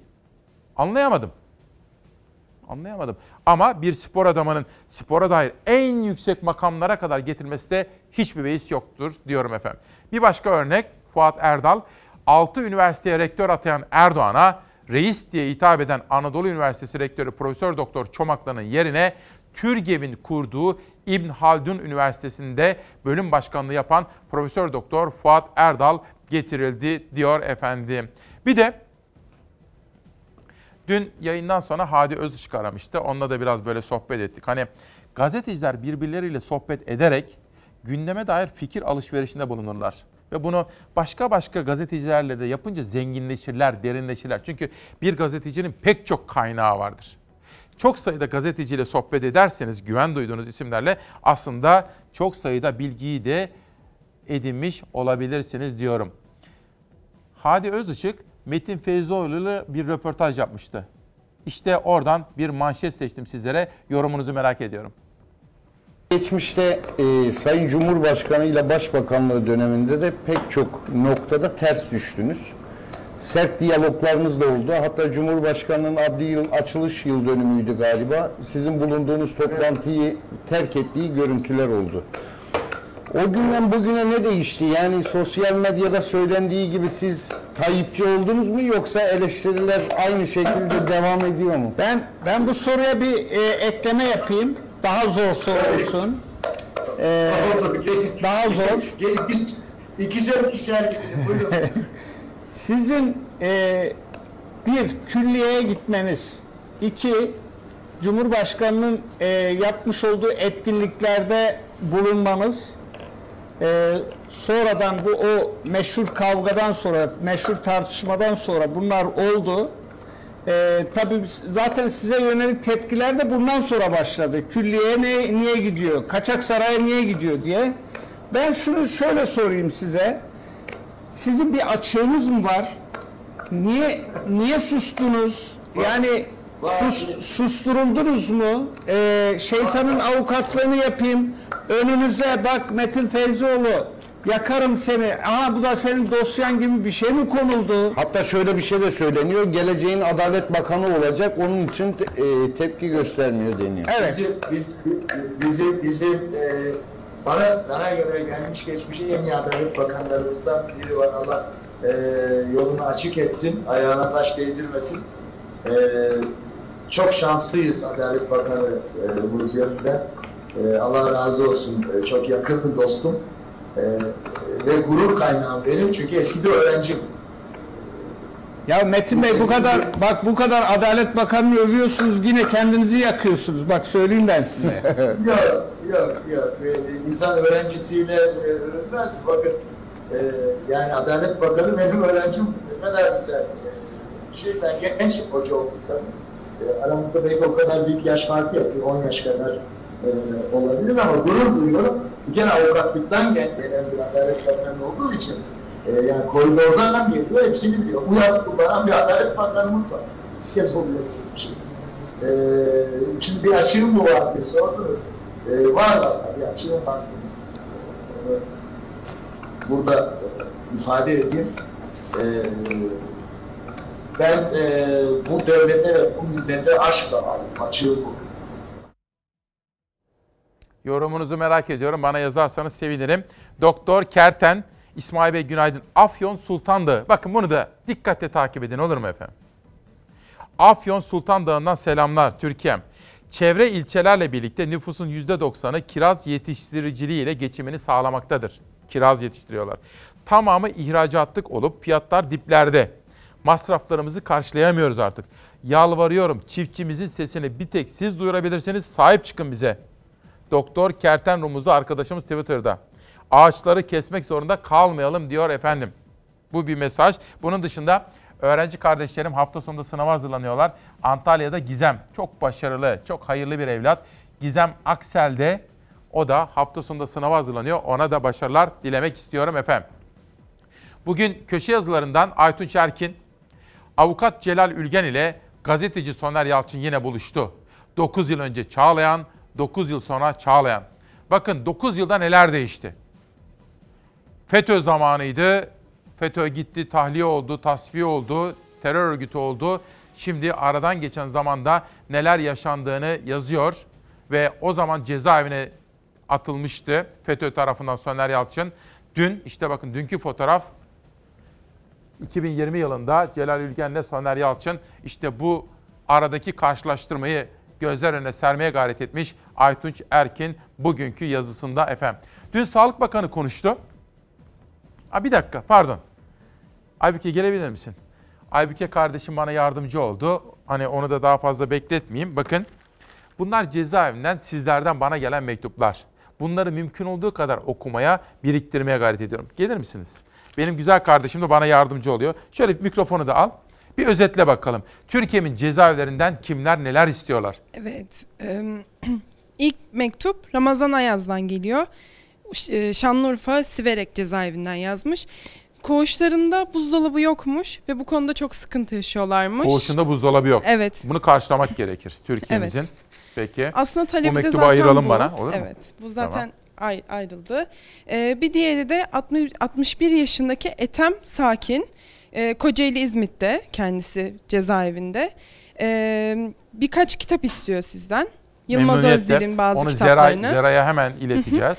bir de e, kendisi olur. hukuk okumak istiyor. Ne adalet güzel, okumak güzel istiyor. kardeşim adalet okuyacak. Evet. Adını bir daha söyler misin? Etem Sakin. Şanlıurfa mıydı? Yok bu Kocaeli. Kocaeli. Ha, Şanlıurfa bir önceki tamam. Bir önceki. Bunun içinde bir burs arıyor aslında Peki onu kendisi. da ayrıca tutalım. Evet. Ben onu saklayayım. Ee, bir diğer mektubumuz da e, Yunus Özkan'dan geliyor. Bu yeni çıkan af yasası ile ilgili bir şeyler söylüyor Ne aslında. söylüyor, ne istiyor? Ee, ikinci kez ma- e, hüküm giyen mahkumların da bu yasaya dahil olması gerektiğini söylüyor. Bu zaten Anayasa Mahkemesi'ne gitti. CHP Anayasa Mahkemesi'ne başvurdu. Eşitlik ve adalet ilkesine aykırı olduğu gerekçesiyle Yüce Mahkeme bu konuyu görüşecek. Evet. Takip edeceğiz. haberini Peki. vermiş olalım. Ee, bir diğer e, mektup da aslında aynı konuyu içe- içeriyor. Yine infaz, İnfaz yazısıyla. sistemi o Anayasa Evet. Mahkemesi'nde takip edeceğiz. Bunu da yollayan Hek Hekmet Turan. Evet. Bir sonraki mektubumuzsa Eyüp Alyakut'tan. Kendisi suçsuz yere yattığını ifade ediyor. Bu konudan size bir Biz mektup bilemeyiz yazmış. ama hukuki durumu maalesef. Evet. Bir diğer Allah mektupta kurtarsın dememiz gerekir sadece. aslında yine aynı konuyu içeriyor. Yine Peki. haksız yere yattığını ama isminin verilmesini istemediğini Vermeyelim. belirtiyor. Onun için vermiyoruz. Geri kalan mektuplarımız ise grup yorum için gelen mektuplar. Grup yorum için. Evet. En dikkat çekicisi avukat Barkın Timtik. Hı hı. Silivri'den yazmış. Ee, size bazı eleştirileri var. Ne diyor? Ee, demokrasi ve gerçek peşinde olanlarınla alakalı Hani biz aslında demokrasi genel... meydanı izliyoruz. Evet. Evet. Yani bu konuda direkt size Grup bazı... yorumla mı ilgili eleştiriyor? Peki, haklı olabilir. Öyle. Çok teşekkür ediyorum. Ben teşekkür Sağ ol. ederim. Mektuplar kal kalabilir burada. Tamam. Tamam. Böyle koyayım. Efendim çok teşekkür ediyoruz. Dün Sağlık Bakanı yaptığı açıklamalarla devam ediyoruz. Sıcak yaz günlerindeyiz. Mevsim en rahat, en iç açıcı giysileri gerektirirken bu havada maske kullanmak geçen aylardaki gibi kolay değil. Hepimiz bir zorluk yaşıyoruz. Lütfen sıcaklara yenilmeyelim. Eğer sıcaklara yenilirsek vaka sayılarının artışa geçeceğini, bunlardan bir kısmının yoğun bakıma düşeceğini unutmayalım. Yaz ayları konusunda ikinci bir uyarımız daha var. Salgının ilk günlerindeki bilgi belirsizliğinden kaynaklanan bir hususu açıklığa kavuşturmak istiyorum. Yılın ilk aylarında kabul gören tahminler koronavirüsün daha çok kış mevsiminde etkili olacağını, yaz aylarında virüsün etkisini kaybedeceğini ileri sürüyordu. Virüsün yayılma hızında azalma olmamıştır. Virüsün hasta etme gücünde azalma olduğu konusunda ise bilimsel bir kanıt henüz yoktur. Bu iki iyimser ama yanlış kanıyı günlük hayatımıza dayanak yapmamanızı, yaz boyu dikkati elden bırakmamanızı istirham ediyorum. Bütün bu yaşanan pandemi sürecinde ben de en çok olumlu intiba bırakan isimdir Sağlık Bakanı. İlhan Babaoğlu da madem öyle benim oğlum Vahap Eren Babaoğlu'na da YKS sınavında başarılar diler misin? O da her sabah sizi izliyor. İlhan Bey'e teşekkür ediyorum ve Vahap'a da Vahap Eren'e de başarılar diliyorum. Allah zihin açıklığı versin. Milli Gazete çok çarpıcı bir manşetle çıkmış bu sabah. 920 bin kişi hayatında ilk kez ihtiyaç kredisi kullandı. Saadet Partisi lideri Karamollaoğlu düzenlediği basın toplantısında Cumhurbaşkanı Erdoğan'ın İslam ekonomisi çıkışını değerlendirerek faiz bir dünya gerçeği diyenler şimdi İslam ekonomisine geçelim diyor. Salgın sürecinde milleti faizli kredilere kim mahkum etti? Bunun cevabını öğrenmek istiyoruz. 920 bin kişi hayatında ilk kez ihtiyaç kredisi kullandı. Bu şartlarda çıkıp İslam ekonomisine geçmemiz gerekiyor demenin mantığı nerede? Bir şeyin başına İslam ekleyince İslam olmaz diyerek tepki gösterdi efendim. Bir de hani sosyal medya. İktidarlar ne yapar efendim? İktidarlar halkın gerçek sorunları konuşulsun istemezler. Onun için bir takım algı operasyonları yaparlar. Çünkü iktidarlar kendi istedikleri gibi bir gündemin şekillenmesini isterler. Bunun için ne kullanırlar? Kendilerine yakın medyayı kullanırlar. O medya kuruluşlarında görevlendirmiş gazeteci veya görevlileri kullanırlar veya trolleri kullanırlar. Bu evrensel bir gerçek. Amerika'da da geçerli. I'm signing an executive order to protect and uphold the free speech and rights of the American people. Amerika Başkanı Trump'ın sosyal medya savaşı devam ediyor. Daha önce paylaşımlarına bilgiyi doğrulu etiketi yerleştirilen Trump bu sefer taciz içeren davranış etiketine maruz kaldı. Öte yandan Trump Beyaz Saray önündeki göstericilere müsamaha gösterilmeyeceğini açıkladı. Siyahi George Floyd'un polis tarafından öldürülmesi Amerika'da geniş çaplı protestoların fitilini ateşledi. İki hafta önce Washington Seattle'da özerk bölge ilan edildi. Göstericiler mesken tuttuğu Beyaz Saray önündeki Lafayette Parkı'nda eski başkan Andrew Jackson'ın heykelini yıkmaya çalıştı. Trump sosyal medyada öfkesini dile getirdi. Ben sizin başkanınız olduğum sürece Washington DC'de asla özerk bölge olmayacak. Eğer bunu yapmaya çalışırlarsa ciddi bir güçle karşılaşacaklar. Trump'ın bu paylaşımına sosyal medya platformu tarafından müdahale geldi. Paylaşımın taciz içeren davranış hakkındaki kuralları ihlal ettiği belirtildi. Aynı sosyal medya platformu yanlış bilgi içeren paylaşımların altına bilgiyi doğrulu etiketi yerleştirmeye başladı. Amerika Başkanı Trump, Kaliforniya'da uzaktan oylama sistemine dair bir paylaşımda bulununca işte o etiketten nasibini aldı. Uzaktan oylamada hile kaçınılmaz olacaktır diyen başkanın paylaşımına yalanlama geldi. Doğru bilgi için insanların etikete tıklaması istendi. Sosyal medya hesabımdan kurtulmaktan daha çok istediğim bir şey yok. Ancak bu platformlar sayesinde 186 milyon insana ulaşıyorum. Bu rakamlar medya şirketlerinin ulaştığı rakamlardan çok daha fazla. Bir yalan haber yapıldığında aksini ispat edebiliyorum. Bu uygulama Amerika başkanını çok kızdırdı. Yapılanı Amerikan seçimlerine müdahale olarak yorumladı. Başkan Trump sosyal medya platformlarına yaptırım getirecek bir kararnameye imza attı. Kararname kullanıcıların paylaşımlarından platformların sorumlu olmasını içerdi. Trump elimde olsa kapatırdım bile dedi. What they choose to fact check and what they choose to ignore or even promote is nothing more than a political activism group or political activism. Öte yandan Seattle Belediyesi göstericilerin ilan ettiği özerk bölgenin dağıtılacağını duyurdu. Peki bir soru. Siz İsmail Küçükkaya ile Çalarsat ailesi. İktidarlar sizin gündeminiz şöyle olsun diye isterler ya. Ne isterler peki? Ne konuşulmasın? Onu düşünün bana söyleyin olur mu? İktidarlar neyin konuşulmasından hoşlanmazlar. Bu arada basın hürdür sansür edilemez dedik ya. Bakın bir hukuk insanı o da bizim kampanyamıza katılmış avukat Ece Güner Toprak. Basın hürdür, sansür edilemez. Anayasamızda böyle yazıyor. Demokrasinin olmazsa olmazı özgür gazetecilerdir. İfade ve basın özgürlüğü olmadığında ne gerçek demokrasi, ne huzurlu toplumsal vicdan, ne de ekonomik refah olur diyor avukat Ece Güner Toprak. Bizim şimdiki etiketimiz altında yazdığı yazıda kendisine katılım için teşekkür ediyoruz. Ekonomi 3 ayda 7 milyar dolar çıktı. Bu kaçı durdurun. Finans çarkının dönmesi için sürekli yabancı sermaye girişine ihtiyaç duyan Türkiye'de yılbaşından bu yana sadece finansal piyasalardan 10 milyar dolarlık sermaye çıkışı oldu. Küresel sermayenin yatırım kararında belirleyici olan bazı kriterler ve raporlar var. Onlardan biri MSCI'da 2020 raporunda uygulanan ekonomi politikalarına işaret ederek piyasaya erişim bozuldu. Türkiye yatırım endeksinde alt lige düşebilir diyerek bugünkünden daha olumsuz bir tablo uyarısında bulundu diyor efendim. Peki iktidarın hoşuna gitmese de aslında iktidarın da lehine olan halkının gerçek gündemini bağımsız ve tarafsız bir avuçta kalsa sayıları bir elin iki parmağını iki elin parmaklarını, iki elin on parmağını geçmeyecek de olsa bağımsız gazeteciler Türkiye'nin gerçek tablosunu gözler önüne sermelidirler. Bu vatan sevgisinin gereğidir ve memleket aşkıyla meslek tutkusunun da gereğidir. Ve işsizlik maalesef ülkemizin acı manzaralarından biridir. Sıra numarası 1500'den başlayan arkadaşlar almaya başlıyoruz yavaş yavaş. Siz bekleyin. Uzun yıllardır işsizim, profesyonel işsizim artık. Yüzümü gülümsetiyor neden? Çünkü ironi gibi geliyor. 26 yaşında üniversite mezunu. Üniversiteden mezun olduğundan beri de işsiz. Trabzon'dan Ankara'ya zabıta olma umuduyla geldi. Mezun oldum 2015 yılında. 5 yıl işsizliğim. Umudumuz yok ama ailemizin yüzüne bakabilmek için buralara kadar gelebiliyoruz. Trabzon'dan kalkıp bir umuttur. Türkiye İstatistik Kurumu'nun verilerine göre genç işsizlik oranı %24,6. Yani resmi rakamlara göre her 4 gençten biri işsiz.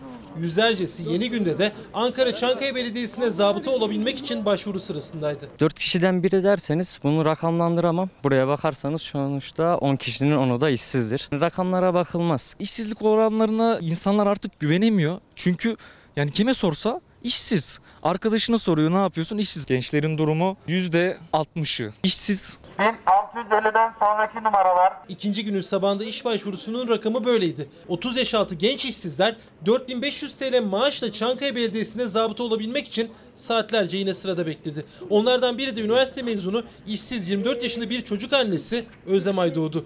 Hem çocuğuna hem de engelli eşine bakmak için zabıta olmak istiyor. Eşim trafik kazası geçirdi. Eşim çalışamıyor. Ben çalışamıyorum. Çocuğumuz var. Devlete bağımlı olarak yaşamaya çalışıyoruz. Yardımlarla geçinmeye çalışıyoruz. Zor bir süreç yani. En azından bir başvuralım, şansımı deneyeyim. Boş gezerek olmuyor. Kiranız var, işte giderleriniz var. Hayallerimiz var tabii ki buradaki herkesin hayalleri vardır ama yani kaç kişi gerçekleştirebilecek? Daha ikinci günündeyiz. 2000 kişi bu belki 5000 de olabilir 10 de olabilir. Rakamlara yansıyan genç işsizliğin belki de en net fotoğrafı bu başvuru sırası. Saatler süren bekleyiş sadece tek bir şey için. Belediyenin alacağı 80 zabıta memurundan biri olmak için. Genciz, dinamiyiz. Herkes içinde bir umut besliyor. Burada iş verdiğiniz takdirde çalışmayacak insan da görmüyorum. Turizm otelcilik mezunuyum. Hacettepe'yi bitirdim. Şu an düşündüğümle olduğum yer arasında bayağı bir fark var. Sözlü ve uygulamalı sınavla sadece 80 kişi iş alacak Çankaya Belediyesi. Başvuru yapan binlerce gencin hayali ise bir başka iş duyurusuna kalacak. Gelecek hayali kuramıyoruz. Hayallerimiz yarım kalıyor. Bu durum benim için çok zor tabii ki. E, belli bir yaşa geldikten sonra aileden para isteme olayı sıkıntılı oluyor. İşsizlik, ekonomi ve kıdeme devam edeceğim. Kıdem tazminat haberim var. Ama önce şu soruyu bir kere daha sormak istiyorum. Dün ve önceki gün sormuştum.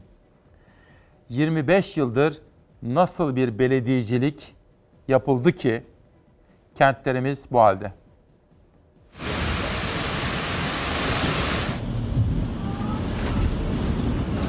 Tamam sakin olun. Sakin sakin. Sakin. Gel. Ağaçları kökünden söküp götürmüş. Ya taş taş üstünde bırakmamış diyebilirim yani. Bütün çatıları sökmüş. Çok korktular. Hortum evlerinin üzerinden geçti. Ağaçlar yere yattı, kökünden söküldü. Dalları koptu, evlere, arabalara hasar verdi. O anlarda cep telefonu kamerasıyla kayıtlı olan Çatalcalı ailenin komşu evinde ciddi hasar oluştu.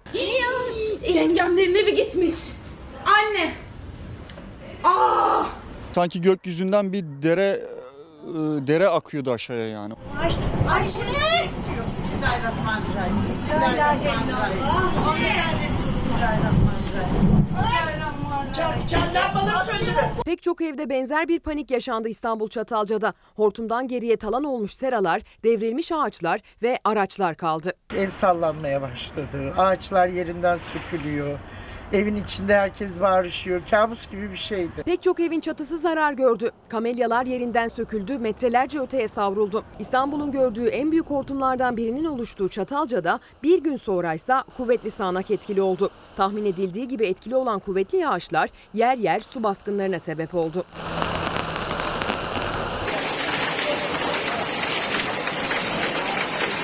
Burası ise Manisa. Tahmin edildiği gibi Marmara bölgesi genelinde ve Ege bölgesinin iç kesimlerinde etkili oldu aşırı yağış. Manisa Saruhanlı'ya bağlı Büyükbelen köyü de sele teslim oldu. 2 metruk bina selden yıkıldı, hayvanlar telef oldu. Köy tamamen su altında kaldı. Sel boşaldı çok kötü. Şartları kapatmaya girdiler. Şu demir kapı bir kapandı. Açısıya kadar 3-4 erkek zorla işte bilmiyorum ev boyu su geliyordu. Dağdan birden bir anda geldi sel baskını. Kimse bir şey yapamadı yani. Direktmen ne varsa aldı götürdü. Amcam vardı işte Kemalettin Gürgün'ün burada onu zor kurtardık. Adam kapıya sıkıştı ölecekti yani öbür yan taraftaki evde. Önüne kattığını sürükleyen selden geriye harabeye dönmüş bir köy kaldı. Manisa'nın Turgutlu ilçesinde de su baskınlarına neden oldu yağış. Ege'de pek çok yerde sel vardı. Muğla'nın Bodrum ilçesinden gelen bu görüntülerdeki yolun nehre dönmesine neden olansa yağmur değildi. İçme suyu hattında büyük bir patlama yaşandı. Patlayan altyapı nedeniyle pek çok giriş ve bodrum katı su bastı. Geçtiğimiz günlerde Kestel ilçesinde 5 kişiyi hayattan koparan aşırı yağış bu kez Bursa'nın İnegöl ilçesini vurdu. Dolu yağışı çiftçiyi zarara uğrattı. Zarar yüzde yüz zararımız var abi yok yani öyle yüzde seksen yüzde altmış falan öyle bir şey değil. Yüzde yüz zararımız var. Ne buğday tarlamız kaldı ne günledi tarlamız ne mısır tarlamız hiçbir şey kalmadı yani. Kırklareli'de ise günlerdir etkili olan kuvvetli sağanak yine su baskınlarına sebep oldu. Pınarhisar ilçesinde etkili olan sağanak nedeniyle ulaşım aksadı, ev ve iş yerleri su altında kaldı. Günde aynısı oldu bunun yani. Gevesi günde aynısı oldu. Millet daha burayı yeni görüyor. Biz her yağmurda bu durumdayız yani. Pek çok şehrin altyapısı bir kuvvetli yağmur sınavını daha geçemedi. İnsan üzülüyor değil mi? Onca emek, onca çaba heba olup gidiyor. Yazık diyoruz, günah diyoruz. Peki 25 Haziran'da, 26 Haziran'da ve hafta sonunda nasıl bir hava durumu olacak?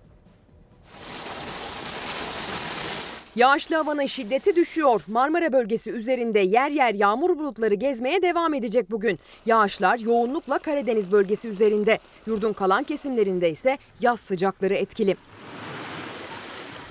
Bugün yine yurdun kuzey hattında yağmur bulutları görülecek. Yağışın geçtiğimiz günlerde olduğu gibi kuvvetli olması beklenmiyor. Ancak Karadeniz'de yer yer dolu yağışı görülebilir yine. Doğu Karadeniz kıyılarındaysa yağmur bulutları daha kalın, yağışlar kısa aralıklarla kuvvetli sağanak şeklinde düşebilir. Sıcaklıklarsa yaz normallerinde seyrediyor. Güney Ege'den başlayıp Güneydoğu Anadolu'ya kadar yurdun güney hattında sıcak hava bunaltacak. Cuma günü ise yağışlı hava büyük ölçüde Doğu Karadeniz'e çekilecek. Marmara üzerinde öğleden önce bulut geçişleri var ancak yağış bırakma ihtimali yüksek değil. Hafta sonunda da yağışlı havanın daha çok Doğu Karadeniz üzerinde etkili olması bekleniyor. Hafta sonu itibariyle sıcaklıklar da tırmanışını sürdürecek. Önümüzdeki haftaya geçerken birer ikişer artan termometre değerleri güney bölgelerde sıcaklıkları mevsim normallerinin üzerine taşıyacak. Bu konuya biraz daha eğilmek istiyorum çünkü önemli. Geleceğimiz söz konusu. Kentlerimiz neden bu hale geldi? Bakın bugün İhlas grubunun gazetesi Türkiye sel değil tedbirsizlik öldürüyor manşeti atmış. AFAD uyarısı. Türkiye birkaç günde sele 5 can verdi. Ağır maddi kayıplar oluştu. Oysa risk araştırması ile bu acılar önlenebilirdi demiş Türkiye gazetesi yapmış olduğu haberde manşette. Ve Esenyurt'a gidiyoruz. Esenyurt'taki mucize ve düşündürdükleri. Gidiyor kadın gidiyor anne. Ay gitti gitti. Ay gitti. Var mı kimse? İçeride içeride. Bir hortum geldi. Ee, beni hayata bağlayan o hortum oldu. İşte bu eli görüp seferber oldu mahalleli. İstanbul'u vuran sel de Esenyurt hem facianın merkezi oldu hem de mucizelerin adresi. Bodrum kattan uzanan el çaresizliğin fotoğrafıydı ilk anlarda ama dakikalar içerisinde başarı hikayesine dönüştü. Mahallelinin o elin sahibine hortum uzattığı ve boğulmak üzere olan Murat Coşkun'un o sayede hayatta kaldığı ortaya çıktı. Bir anda içeriye su doldu. Kapıyı açmaya çalıştım, kendimi kurtarmaya çalıştım ama maalesef kapının kolu kırıldı, elimde kaldı. Kombinin üzerine basarak kendimi yükselttim. Şu parmaklıklara kendimi bağladım şöyle kolumla beraber. Su beni geriye atmasın diye. Çünkü geriye gidersem boğulacağımı biliyorum. Ağzına hortum attık. Hortumu kestik, hortumu verdik. Hortumdan nefes alıyordu. Ondan bir hortum olmasa zaten öldüydü adam. Mucizenin gerçekleştiği noktalardan birisi de bu camdı. Sel olduktan sonra uzanan bir el gözüktü. Ona yardım eli uzanması için de zamana ihtiyaç vardı. Suya tamamen gömülen adama bir hortum uzatıldı. O hortumdan 15 dakika kadar nefes aldı. Mahallelinin hızlıca ürettiği o çözümle hayata tutundu 50 yaşındaki Murat Coşkun. Sel gelmeye başladığında sulara kapılan bu kadın da 14 yaşındaki kızını bulmak için atmıştı kendini dışarı. Ona da bir esnaf yetişti. Sürükten de ileride bir araba duruyordu. Arabaya çarptı. Koştuk. 2-3 kişi ancak kadını çıkarabildik. Ve anneleriyle beraber kurtarılan Suriyeli 3 küçük kardeş.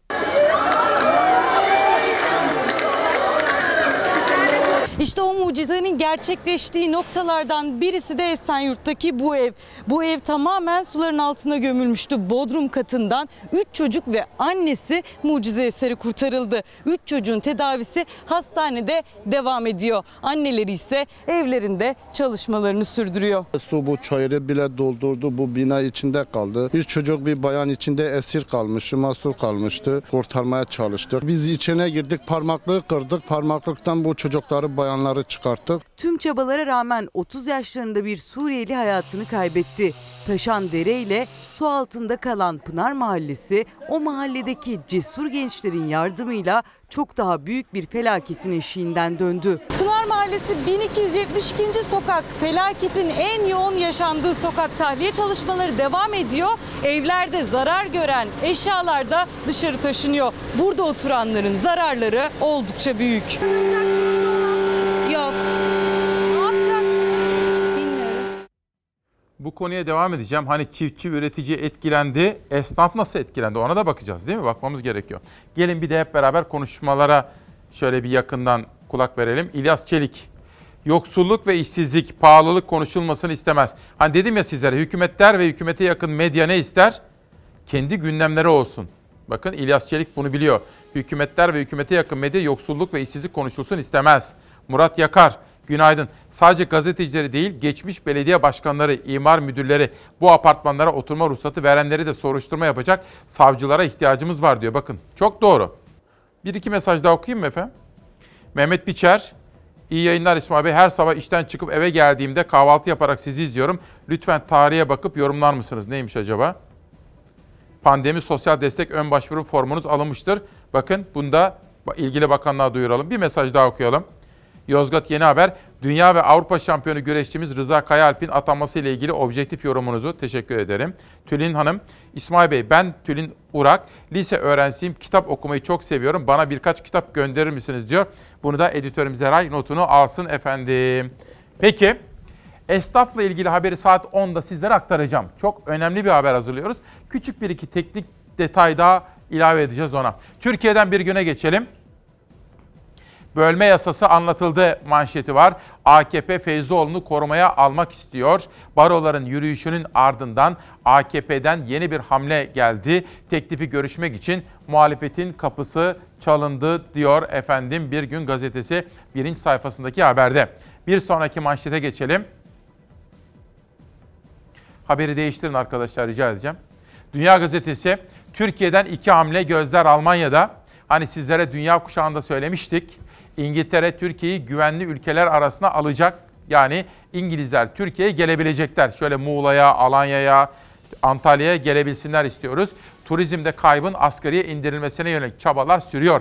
Türkiye havalimanlarına test merkezleri açacak. Yabancı ziyaretçi için sigorta sistemi kuracak diyor efendim. Evet bir sonraki gazete manşeti gelsin. Turizmle ilgili bu detaylardan sonra Yeni Çağ gazetesi vicdana sığmıyor diyor. İlk kuşakta Türk Gün gazetesini sunmuştum. Bu kez sırada Yeni Çağ var. 109 gün sonra çıkarıldığı mahkemede tutukluluğunun devamına hükmedilen yazarımız Murat Ağırel karara böyle tepki gösterdi demiş ve ortaya çıkan manzara vicdana sığmıyor demiş efendim. Bir önemli tartışma daha var. MHP lideri Devlet Bahçeli bazı isimleri ön plana aldı ve dedi ki madem dedi o isimlerin masumiyeti tartışılıyor. Bahçeli'nin siyasi görüş ve dünyaya bakış açısından eleştirdiği isimler onlar. Dedi ki madem bu isimlerin masumiyeti söz konusu ediliyor, o zaman dedi bizim davamıza geçmişte yardımcı olan, davamızın neferlerinden birisi olan ve abisini de şehit verdiğimiz bir ülkücü diyor. Mümtazer Türkenen'in yeniden yargılanması gerekir dedi Devlet Bahçeli. Onun her sözünde olduğu gibi siyaset bunu konuşmaya başladı. Mümtazar Türkenen'in gerçekten suçlu olup olmadığına karar verecek yegane merci Türk adaletidir. Mümtazar Türkenen'in davası tekraren ve titizlikle değerlendirilmelidir. Ben Mümtaz Bey'i tanırım. FETÖ, onların gazetesinde yazmış olabilir ama FETÖ çetesinin bir nihayetinde bir şey olduğunu düşünmem ben de. Ama bir gazeteciye, bir siyasi lider o serbest bırakılmalı. Şunlarsa vatan hainidir demeye başladı mı orada basın özgürlüğünden bahsetmek mümkün değil. Erdoğan Sayın Bahçeli'nin bütün çağrılarına olumlu yanıt veriyor. Sanıyorum buna da verecektir. MHP lideri Devlet Bahçeli FETÖ'den tutuklu eski Zaman Gazetesi yazarı Mümtazar Türkören'in dosyasının yeniden değerlendirilmesini istedi. Muhalefet bu çıkışı tahliye talebi olarak da yorumladı. CHP'den FETÖ'ye destek mi çıkıyorsunuz sorusu da geldi. Bir dönem devleti ele geçiren yapılara destek mi oluyorsunuz şimdi? Adil ve hakkaniyetli yargılamayla Mümtazar Türkenen'in üzerine atılı isnatların netleşmesi de mümkün olacaktır. Dileğin bir haksızlık varsa bunun acilen düzeltilmesidir. Neden bir kişi bütün dosyalar eğer bir yerde ciddi bir hata varsa yeniden ele alınmıyor? Ülkücü şehidimiz Mustafa Türkenen'in şehadetinin 41. yıl dönümüdür. Ağabey Mümtazar Türkene ise cezaevindedir. Mümtazar Türkene'yi öğrencilik yıllarından itibaren tanırım. Aleyhte de pek çok yazısı ve beyanatı olmuştur. Devlet Bahçeli Mustafa Türköne yanarken abisi Mümtazer Türköne'nin de cezaevinde olduğunu hatırlattı. 15 Temmuz sonrası kapatılan Zaman Gazetesi'nin yazarıydı Mümtazer Türköne. FETÖ üyesi olmaktan, Cumhurbaşkanı Erdoğan'ı idamla tehdit etmekten ceza aldı. Hala tutuklu. Ancak Bahçeli dosyası yeniden incelensin dedi. Bir kişinin Nasıl olmuş da Sayın Bahçeli'nin zihnine bu iş düşmüş? Eğer yeniden muhakeme gerekiyorsa bu talepte bulunan herkesin yeniden muhakeme edilmesine ama adil bir mahkeme tarafından muhakeme edilmesinde fayda vardır. Osman Kavala'nın, Altan kardeşlerin, Nazlı Ilıcan ve daha pek çok sorumlu kişinin masum gösterilmeye çalışıldığı bir yerde şehit abi Mümtazar Türkören'in davası tekraren ve titizlikle değerlendirilmelidir. Trump için Bronson'u, Macron için Laprov'u, Merkel için Deniz Yücel'i verdikten sonra Sayın Bahçeli'nin bir ricasını kırması da zaten Erdoğan bakımından çok yakışık alan bir durum olmaz. CHP lideri Devlet Bahçeli'nin Teşekkür ediyorum. Teşekkür ediyorum. Yani bizim konumuz bununla ilgiliydi. Sağ olun. Bahçeli'nin FETÖ hükümlüsü Mümtazer Türköne çıkışıyla ilgili Cumhur İttifakı ortağı AK Parti'den açıklama gelmedi. Sırada bir ekonomi haberi daha var efendim ama sizlerden gelen yorumları önemsediğimi biliyorsunuz. Gelin beraber okuyalım. Alp Kahraman Türk, domates satarak fabrika kuran bir ülkeden fabrika satarak domates alan bir ülkeye döndük. Mehmet Karaçoğlu beni eleştiriyor. Daha doğrusu beni uyarıyor sağ olsun. Sizi severek izliyorum diyor. Bunu düşüneceğim efendim. Nerede hata yaptığımı. Hatta danışmanım Nihal Kemaloğlu'yla da bu konuyu konuşacağım. Türkan Onur, sevgili İsmailoğlum günaydın. Sel olan yerleri gösteriyorsunuz. 5 katlı evler için yapılmış altyapılara 15 kat verenlerin ayıbı olan vatandaşı oluyor diyor Türkan Hanım. Bir Çalarsat annesi. Şimdi bir empati yapmanızı rica edeceğim. Empati nedir? Sizin kendinizi benim yerime koymam. Benim de kendimi sizin yerine koymanız. Şimdi Emin Çöleşan'ı okuyacağız. Ama bir an için şöyle düşünün. Siz gazetecisiniz. Ülkesini çok seven bir gazetecisiniz. Ve bağımsız ruhlusunuz. Eleştirel bakıyorsunuz. güzel olsun istiyorsunuz. Güç sahiplerine yalakalık yapmıyorsunuz. Yalnızca halkınızdan güç alıyorsunuz. Ve Türkiye'desiniz. Başınıza neler gelebilir? Hadi konuşun, düşünün. Başınıza neler gelebilir? Gelin Emin Çöreşan. Bilmiyorum Emin abi 50 yıl olmuş mudur meslekte? Belki en az 40 yılı var. Sevgili okurlarım, burada sık sık değiniyorum. Türkiye'de eğer AKP iktidarının yandaş medyasından değilseniz, eleştiriyorsanız, onların hoşuna gitmeyecek bir şeyler yazıyorsanız başınıza her türlü belanın açılmasına, korkutma ve sindirme taktiklerinin üzerinizde uygulanmasına, hatta belki de dayak yemeye hazır olacaksınız diyor. Ve tutuklu gazeteciler üzerinden bir analiz yapıyor ve kendisinin de bugün adeta otosansür yapmak zorunda kaldığını, çünkü başımıza ne geleceğini bilemiyoruz. Sözcü davasını hatırlatıyor. Müesser Yıldız'dan bahsediyor. İki Barış'tan, Murat Ağırel'den, Ferhat Çelik'ten, Aydın Keser'den bahsediyor. Ve şunu soruyor. Efendim lütfen sizler empati kurun. Bir gazeteci sizin için oradadır. Mesela iktidarı desteklese ne olur bir gazeteci? Düşünün. Mesela ben iktidarı tamamen desteklesem ne olur? El üstünde tutulursunuz. Peki eleştirel bir bakış açısına sahipseniz işte Emin Çöleşan'ın söyledikleri olur. Ama gerçek şudur. Ekonomi ülkenin ana gündem maddesi olmalıdır. Bankacılık sektörü noktasında. Sizlerin de bazı eski alışkanlıklardan kurtulması ve kabuk değiştirmesi gerektiğini düşünüyorum. Milli bir şuurla hareket etmenizi bekliyoruz. Kendisi milli şuurla mı hareket ediyor? Fabrikalar satılırken, yıkılırken. Batı kredi oranlarının %20'ye tırmanması mıdır milli şuur? Hazine ve Maliye Bakanı Berat Albayrak Bankalar Birliği Genel Kurulu'nda yaptı. Bankalara millilik çağrısını. Saadet lideri de İsmail Küçükkaya ile Fox Çalar Saat programında konuşan Davutoğlu da bakanı iktidarı milli olmamakla suçladı. Sayın Albayrak ekonomist olarak değil de başka bir zihniyetle bankaları yönetiyor kanaatindeyim ben. Milli şuurla hareket etmek ne demek? Önce onu tarif edecek. Siyaset üstü, kurumlar üstü, ülkenin âli menfaati çerçevesi içerisinde. Bütçede tarıma verilmesi icap eden milli gelirin yüzde biri kadar parayı hala veremediler. Kim vermedi? Kendisi vermedi. Bankalar böyle hareket etti. Siz yanlış adım atacaksınız. Sonra bankalara diyeceksiniz ki milli duyguyla hareket edin. Sizlerden ricamız yeniden yapılandırmaları hızlandırmamız lazım. Ne demek bu biliyor musunuz? Bizim istediğimiz firmaları kurtarın, bize gerekli tavizleri vermeyenleri batırın demek. Emin olun aynı anda o bankalara liste de gitmiştir. Şu şirketlerin kredilerini yapılandıracaksınız, şunları da zinhar yapılandırmayacaksınız. Faizi ve sömürüyü reddeden yapısıyla İslam iktisadı krizden çıkışın anahtarıdır. Cumhurbaşkanı Erdoğan'ın İslam iktisadı çıkışı da Saadet Partisi liderinin hedefindeydi. Faiz bir dünya gerçeğidir diyenler şimdi İslam ekonomisine geçmemiz gerekir diyorlar. 2019 yılında da faize tam 247 milyon lira para ödemişiz. Bu sene başında 140 milyar lira para ödeyeceğiz. Bu çarpık yapının alternatifi insanı merkeze alan, emeği yücelten İslami ekonomi ve finans modelidir. Eğer siz İslam ekonomisinden bahsedecekseniz önce israftan vazgeçeceksiniz. Yolsuzluk ve rüşvetin kökünü kazıyacaksınız. Kamu malına, yetim malına sahip çıkar gibi sahip çıkacaksınız. Adil olacaksınız. Temel Karamollaoğlu'nun bu sözlerine ne yanıt geleceğini de gözler. Sırada esnaf var. Bu yağışlar, dolular, sağanak, onca heba. Posta gazetesinden okuyorum. Süper hücre hortumu yıktı ve bakın işte meydana gelen gelişmeler Posta gazetesine böyle yansımış. Bütün bu gelişmeler çiftçimizi ve üreticimizi olduğu gibi esnafımızı da mağdur etti. Yavaş yavaş giriyor abi.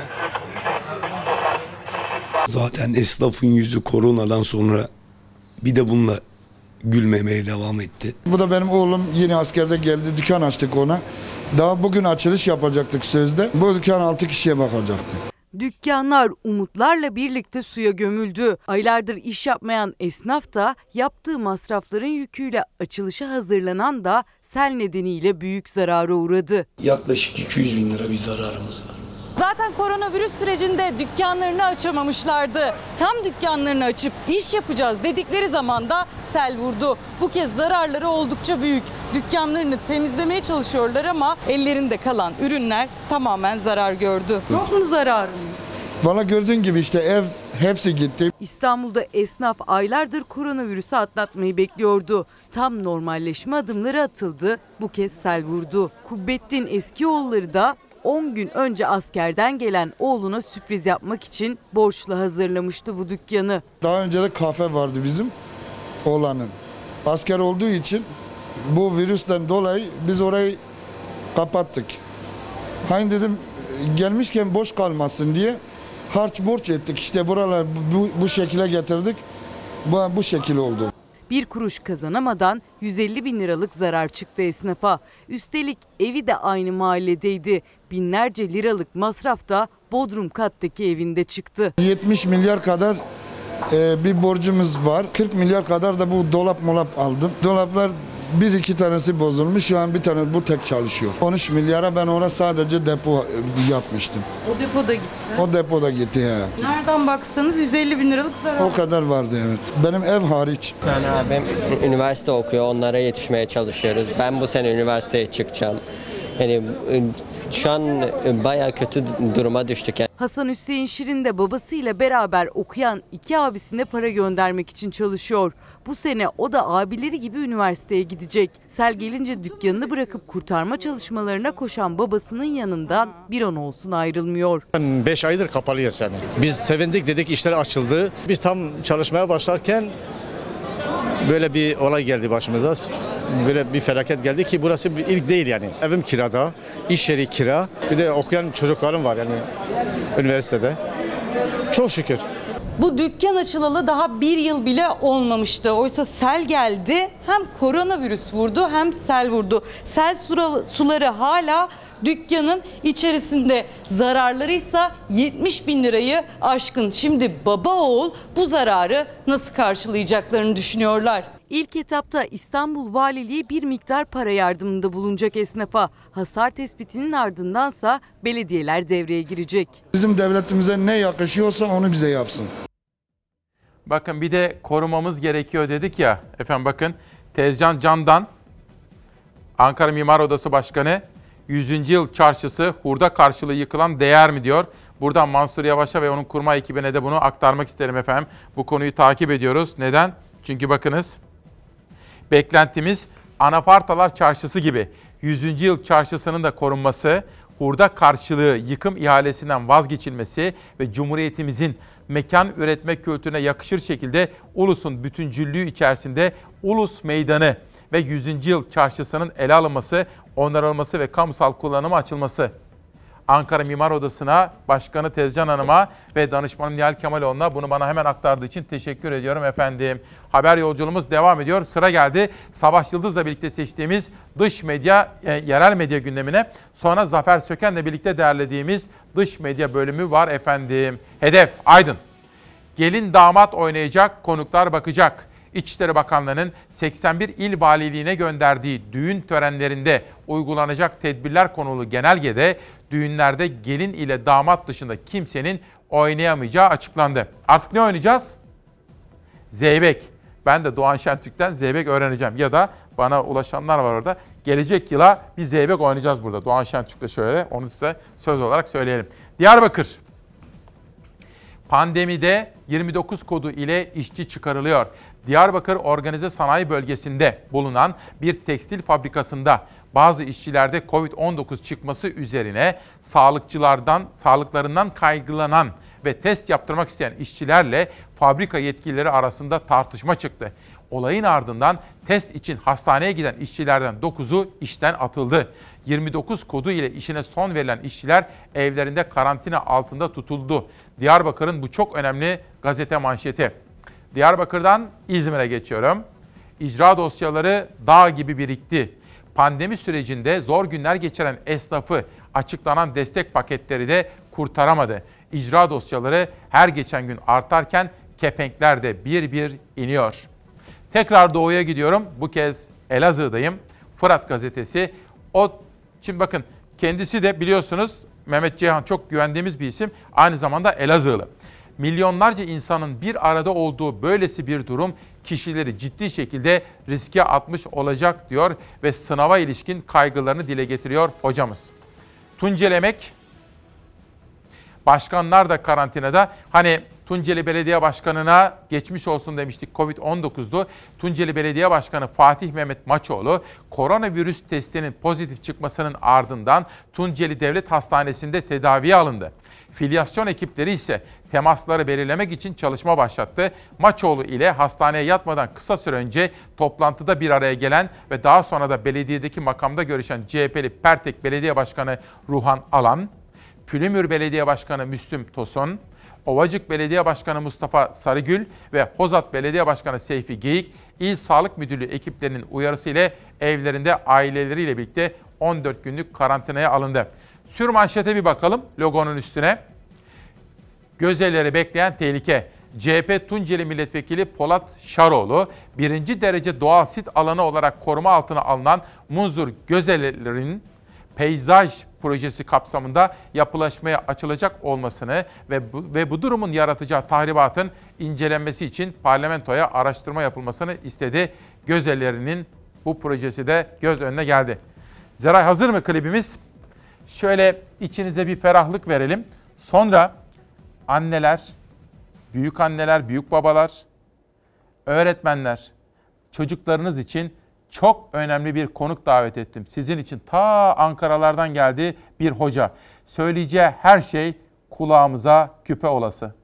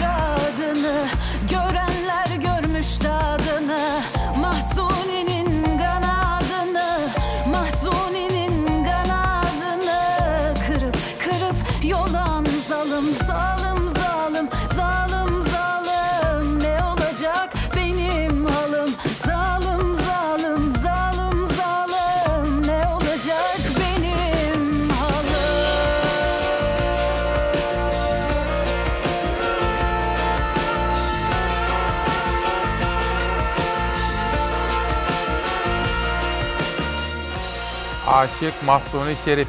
Bugün Kazım Koyuncu'yu da anacağız efendim. Onun için de bir hazırlıklarım var. Ama sizler için bir konuk davet ettim. Ne zamandır aklımdaydı. Aslında haberlerde, yorumlarda size zaman zaman ondan anekdotlar anlattım. önemli hocamız Profesör Doktor Levent Eraslan. Hocam hoş geldin. Hoş bulduk efendim. Nasılsın hocam? Sağ olun efendim sizler. Şimdi çok önemli konulara parmak basıyorsun. Uzmanlığın bu. Ama izin verirsen şuna başlamak istiyorum. Bu kitap yeni çıktı. Profesör Doktor Levent Eraslan sizin yazdığınız. Dijital sosyoloji bağlamında pandemi süreci. Kısa ve net. Salgın döneminde herkes evdeydi. Peki bu bizi nasıl etkiledi? Evet her şeyde olduğu gibi dijital alışkanlıklarımız da değişti. Dört alanda yoğunlaştık. Birincisi çok oyun oynamaya başladık. E-alışveriş çok arttı. Sanal kumar arttı. Ve ne yazık ki yetişkin sitelerine girişler arttı. Yani insanların normal sıradan gündemde kullandıkları sosyal medya ve dijital alışkanlıklardan sıkıldıklarını gördük. Tamam. Ve bu süreçte de farklı, değişik hatta ekstrem uçları denediklerini sosyal medyada ne yazık ki gördük. Bunun tabi artçıları sonraki dönemde ortaya çıkacak. Etkileri. Çünkü tabi alışkanlıklar değişince İsmail Bey sonraki dönemde de istenmeyen e, sosyal medya kazaları da ortaya çıkabilecek ne yazık ki. Şimdi hocam çocukların elinde sürekli tablet. Evet ne yazık ki. Onu da biraz anlatalım. Evet şimdi e, bana hep soruyorlar hangi yaş için tehlikeli? Eline tablet, telefon kim alıyorsa hangi yaştan? Benim 4 yaşındaki Çınar oğlumdan 60 yaşındaki amcama kadar herkes için bu tehlikeli. Çünkü bu sosyal medya, dijital dünya bize asla hayır demiyor. Ne istersek bize onu veriyor. Davetkar. Tabii ki. Her şeye cevabı var. Bu yüzden sosyal medya şirketleri, dijital dünyanın o bütün sağlayıcılarının amacı orada sizi uzun tutmak. Mesela Türkler dünya ortalamasının tam yarım saat üstünde İsmail Bey. 2 saat 57 dakika biz sosyal ağlardayız. Nüfusun Çok. Nüfusun üçte ikisi 54 milyon kişi sosyal ağlarda. Çok Ama bir büyük şey rakam. soracağım hocam. Bu aynı zamanda bir imkan. Tabii. Fakat bir de tehdit. Tabii çok güzel ifade ettiniz. Nereden bakarsak bize oradan bakıyor. Avantajları çok fazla ama iyi kullanmazsak çok farklı ve değişik bir de bunun karanlık sosyal medya ayağı var. Evet. Ne yazık ki pandemi döneminde biraz oraları denedik biz. Çünkü sıkıldık. Evde dizi izlemekten, mesaj atmaktan sıkıldı insanlar.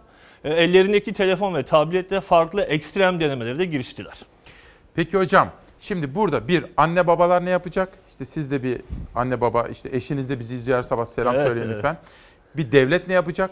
Öğrenciler ne yapacak? Bir de bu arada diğer kitaplar da çıktı. Onları da bir söyleyebilir misiniz? Ya geçen hafta tanıttım ama. Evet, e, Çünkü sosyal, bağlantılı. sosyal medya ve algı yönetimi. Ülkemizdeki tek kitap bu. Bunun ikinci baskısını yaptık. Sosyal medya ve algı, Algı yönetimi. Bir yönetimi. dakika dur öbürüne geçmeden. Hocam şimdi şöyle. Bir gerçek kişiler var. Siz, ben. Bir de makinalar var. Evet. Troller var. Evet. Bu benim için de sizin için de devletler için de tehdit olmaya Büyük başladı. tehdit. Bunu Sa- biraz anlatır mısınız? Troller savaşlar neden olacak? Troll savaşları. neredeyse. Tabii şimdi troll aslında bir balıkçılık terimi biliyorsunuz. Kandırma amaçlı ufak balıklar. Ama öyle bir değişti ki son 5 yılda özellikle bot adı verdiğimiz hatta smart bot, akıllı bot adı verdiğimiz hesaplar var. Şimdi 1 milyon takipçisi olan birinin en az 300 bin takipçisi bot. Ama İsmail Küçükkaya'nınki değil. Değil. Çünkü ben sizinkini inceledim. İncelediniz. Gerçek tekil kişiler. Çünkü onlar yorum yazıyorlar. Botlar yorum yazmaz. Çünkü onlar etkileşimde bulunuyorlar. Gerçek tekil kişiler botlar bulunmaz. Retweet yapıyorlar sürekli. Dikkat edin. İçi boş hesaplar, içi boş yorumlar yapıyorlar ve yani e, troll dediğimiz yapı son 5 yılda artık şeye dönüştü. Hibrit bir savaş aracına. Yani Rusya'da, Çin'de, Amerika'da, ülkemizde işte geçen haftalarda biliyorsunuz e, Twitter'ın bir e, engellemesini gördük. Bu yüzden troll dediğimiz aslında ilk çıktığından şu anda farklı bir durumda. E, trollün ahlakı yok. Yok. Vur kaç. Hocam bir de bir şey söyleyeceğim. Çok özür. Ee, şimdi bir bölümünü siz de biliyorsunuz ama ben devletimizin ilgili birimlerinden de destek aldım. Çünkü şöyle zaman zaman biz de gazeteciler olarak bu troll saldırılarından, Tabii, tabii. linç kampanyalarından nasibimizi alıyoruz. Evet. öncelikle Şimdi bir araştırma yaptırdık. Mesela ben en son bu linç kampanyasına baktırdığım zaman paylaşım yapanların bir kısmı gerçek kişi ama çoğunluk FETÖ'ye kadar uzanıyor. FETÖ hesapları var. Tabii Gördük bu konuda FETÖ'cü terör örgütü mensuplarının tamamı 2000'li yılların başına bunların eğitimlerini aldılar İsrail'de ve Amerika'da. Yani emniyet görevlisi görünümlü FETÖ'cüler bunun eğitimlerini aldılar. İnsanlar sosyal medya arkadaşlarını ararken bunlar algı yönetimi kursları aldılar. Yani size yapılan e, büyük saldırıda da bunu bir görüyoruz çok açık. Bir baktınız siz çünkü Tabii tabii tabii. incelediniz. Yani biyolarına bakacağız. Kim bunlar?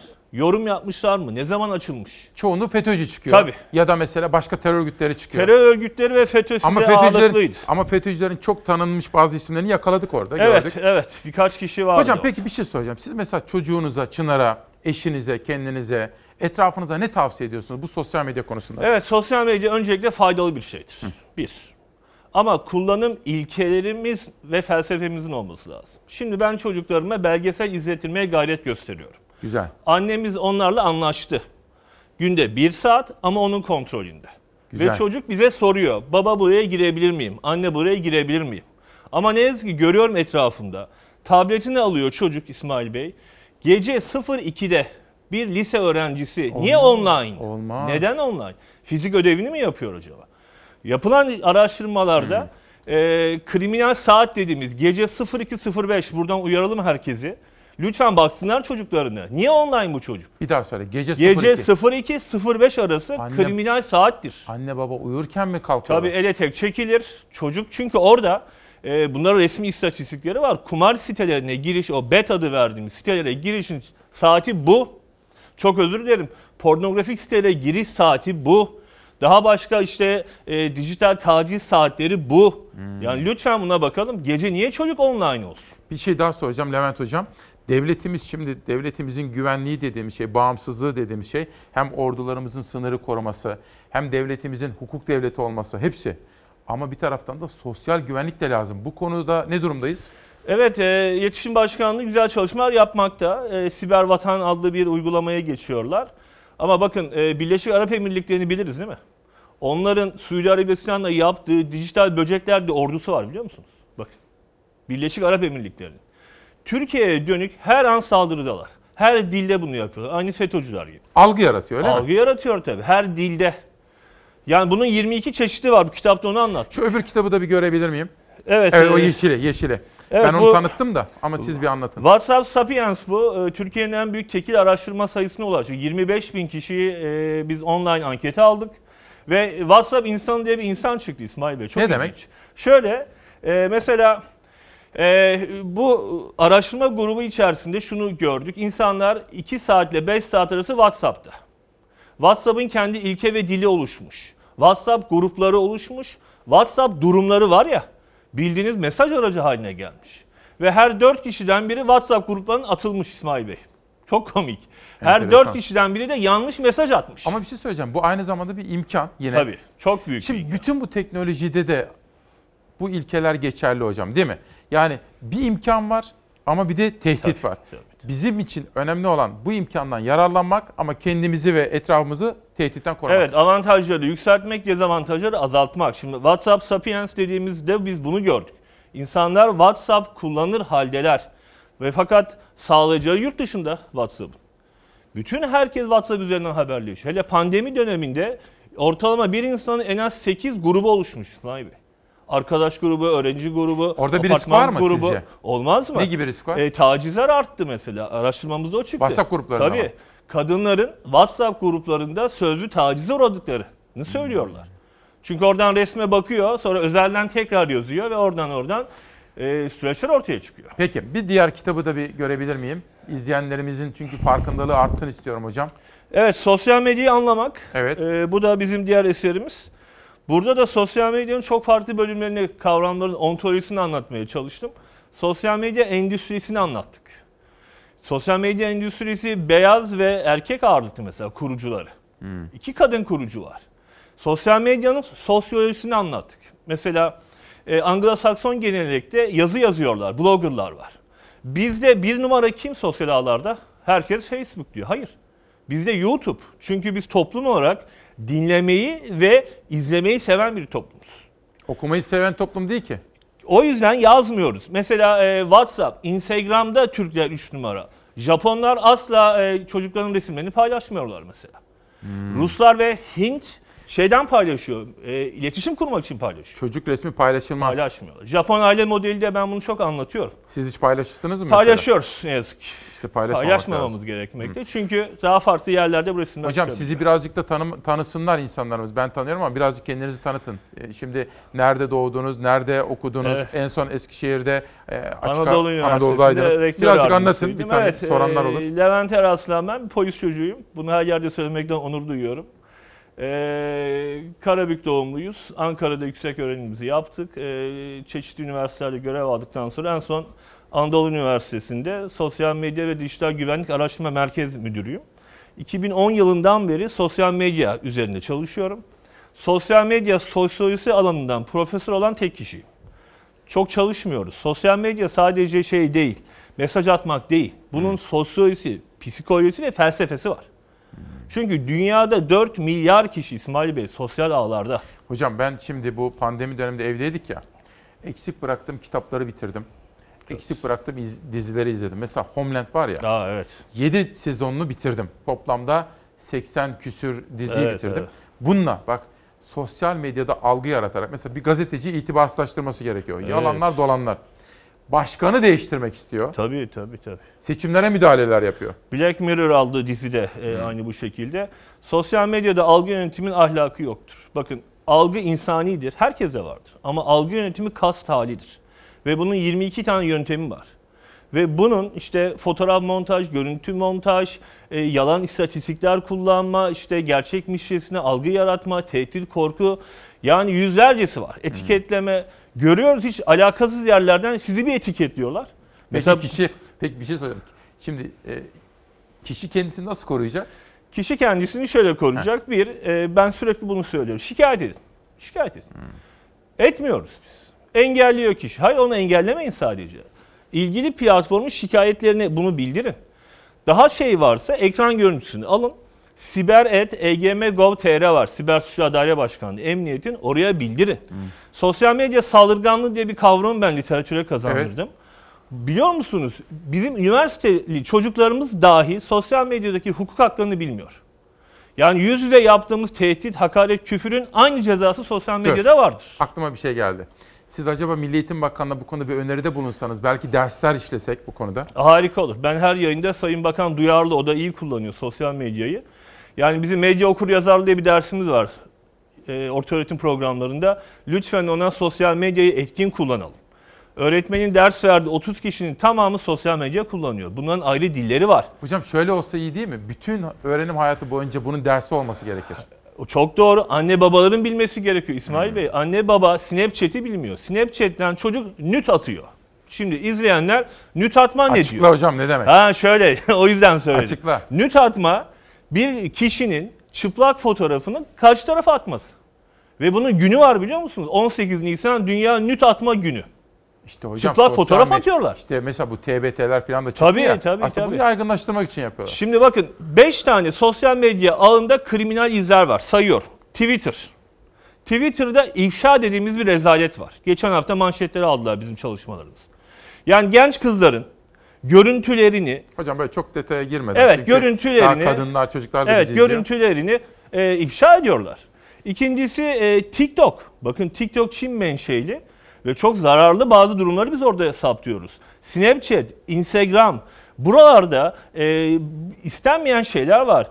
Uyuşturucu arzı sosyal medya üzerinden yürümeye başladı. İşte bu hocam çok şey, çok sakat bir konu. Kriminal iletişim diyorum biz bunu Siz çalışıyoruz. geçmişte bunu çalışıyordunuz. Evet, Ben evet. onu hatırlıyorum. Geçen sene e, emniyette, narkotikle falan Evet, da bir takım çalışmalar yapılıyordu. Narkotik Daire Başkanlığı bu konuda çalışmalar Hassas, yapmaya biliyorum. başladılar. Yani insanlar pandemi döneminde uyuşturucu arzını sosyal medya üzerinden yapmaya başladılar.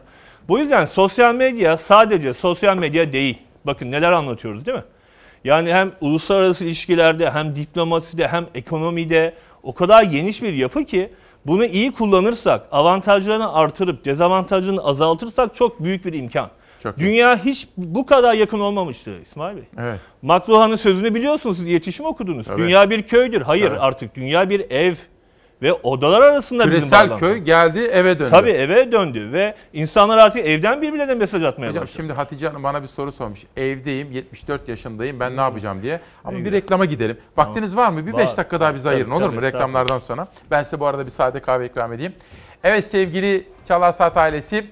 Reklamlardan sonra Profesör Doktor Levent Eraslan'la bu çok önemli konuyu Hatice Hanım'ın sorusu üzerinden devam edeceğiz. Sonra başka çok enteresan sürprizlerim var reklamlardan sonra. İşte döndük. Efendim günaydın bir kere daha. 25 Haziran 2020 Perşembe sabahında İsmail Küçükkaya ile Demokrasi Meydanı'ndasınız. O kadar çok soru geldi ki Profesör Doktor Levent Eraslan sosyal medya kullanımındaki fırsatları ve tehlikeleri bizlere anlatıyordu. Anneleri, babaları, öğretmenleri, Milli Eğitim Bakanlığı'nı, eğitimcileri uyaran açıklamalar. Hocam çok soru geliyor. Bu arada benim çok sevip saydığım, takdir ettiğim, bu konulara çok özel ilgi gösteren Enver Yücel'den bir mesaj geldi sizinle ilgili. Evet, Onu da soracağım. Çok ilgi gösterir Enver Bey dijital Evet, dünyaya. öteden beri. Yani Tabii ben ki. yani yaklaşık bir 10 yıldır bu mesele başladığından beri bir iki mesajı var. Onu da Önce okuyacağım. okuldur, evet. Bu andan itibaren Savaş Yıldız yönetmen koltuğunda ama bir haberimiz var. Birkaç gün evvel sizlere parlamentodaki koronavirüs vakalarına karşı alınan tedbirlerden bahsetmiştim. Arkadaşlarım onu haberleştirdi. Haberi izliyoruz. Dönüşte sosyal medya manşetini atıyoruz. Mecliste de korona tehlikesi var. Türkiye genelinde olduğu gibi meclislere vaka sayısında artış yaşandı. Toplam hasta sayısı 18'e yükseldi. Vaka sayısı artınca Türkiye Büyük Millet Meclisi Koronavirüs Kriz Yönetim Komisyonu kuruldu. Çay ocakları kapatıldı. Açık alanlarda yemek yemek yasaklandı. Meclisteki vaka sayılarında artış olunca işte görüyorsunuz meclis hastanesinde de kuyruk böyle uzadı. Türkiye Büyük Millet Meclisi'nde görevli 7 personelde daha koronavirüs tespit edildi. Bugüne kadar hastalığa yakalananların sayısı 18'e çıktı. Meclis için acil tedbirlerin alınması kaçınılmaz oldu. Bu yüzden hemen bir komisyon ve pandemi timi kuruldu. Ard arda vakalar çıkmaya başlayınca önlemlerden biri de basın toplantılarının bina içi yerine bahçeye alınması oldu. Alınan tedbirler kapsamında 100. yıl bahçe lokantası ve üyeler lokantası dışında tüm lokantalar ve çay ocakları kapatılacak. Meclis personeli yemeklerini yalnızca görev mahallinde yiyecek. Meclis kampüsü içinde açık alanlarda yemek yenmeyecek. Personel zorunlu haller dışında görev mahallini terk etmeyecek. Sosyal mesafe, maske ve hijyen kurallarına mutlaka uyulacak. Tedbirleri denetlemek için pandemi timi görevli olacak. Tim ihlal tespit ettiğinde tutanak tutacak. Kuralları ihlal edenlere idari ceza uygulanacak. Hani öyle diyeyim ki hayatımızda bugün 2020 dünyasında ve Türkiye'de en önemli konu budur. Levent Eraslan'a soruyorum. Hocam şimdi bak anne baba senin şimdi iki evladın var Allah'ın bağışlasın. Yakup ve Çınar'dı değil Evet, mi? evet. Bak anne babalar, öğretmenler, işte Enver Yücel gibi eğitimciler, ben bireyselim, saldırılar, kampanyalar, troll hesaplar. Neler tavsiye edersin? Nasıl koruyacağız? Şimdi anne ve babalara şunu öneriyorum. Öncelikle çocuklarının dijital dünya ve sosyal medya alışkanlıklarını bilmeleri gerekiyor İsmail Bey. Yani bu çocuk tablet alınca ne yapıyor? Dijital tehlikeli oyun mu oynuyor yoksa başka yerlere mi giriyor? Önce çocuğun bu davranış kalıplarını öğrenmemiz gerekiyor. İki, bizim o dünyayı bilmemiz gerekiyor. Çünkü çocuklar dijital yerli. 2000 sonrasında dijital yerli diyoruz. Biz dijital göçmeniz. Bizden daha iyi biliyorlar. Çocuğun dünyasını anlamamız, sosyal medya ile ilgili çocuğun bir şey gizlememesini sağlamamız. Çünkü birçok üzücü olay buradan gerçekleşiyor. Çocuk rahatlıkla size anlatacak. Siz de onlara sosyal medyanın olumsuz yanlarını anlatacaksınız. Diyalogla bu işi çözeceğiz ve anlaşma yapacağız. Belli bir günün saatinde anlaşma yapacağız. Bizde hafta sonu bir saattir mesela. Bunun ötesi yok. Bu yüzden anne şey ve... soracağım. Bunu Yasemin mi e, kontrol ediyor? Evet, Yasemin eşi, Hanım, eşi. eşim, evet. Şimdi onun kontrolünde yani çocuğa diyorsunuz ki şu gün şu saatte kullanabilirsin. Evet. Onun dışında yok değil mi? Yok ve E peki çocuk, bunu soruyor zaten. Peki ağlarsa zırlarsa? Hayır. Yok. Kesinlikle esnetmiyoruz. Esnettiğimiz anda zaten belli bir yaş grubunda bir daha onun önünü alamıyoruz biz. Kurallar sabit, oturup konuşuyoruz ve nereye girip nereye girmeyeceğini söylüyoruz. Bir de e, filtre sistemleri var. Onları lütfen kursunlar. Çeşitli sosyal medyaların, hesapların, e, araçların e, kids çocuk uygulamaları var. Onları kursunlar. Ama tekrarlayalım. Gece 02.05 15 yaşındaki bir çocuk online olamaz.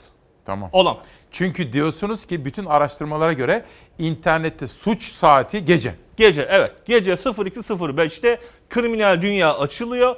Kriminal iletişim başlıyor. Peki Hatice Hanım'ın sorusu vardı. İsmail evladım ben ne yapayım diyordu. İşte yaşı ileri diyelim. Ama artık tek başına evlatları uzakta. Evet, O evet. da bir imkan var burada. Var, Mesela benim var. annem biliyor musun? Biliyorum, Görüntülü biliyorum. arıyor bizi. Evet, evet, çok Peki güzel. onlara ne diyeceğiz? Onların çok ayrı bir dünyası var. Biz Evet. onun araştırmasını yaptık. Yaş almış bireyler için sosyal medya faydalı. Tabii. Sosyalleştiriyor ama lütfen dolandırıcılara dikkat etsinler. İsmail Bey. Hmm.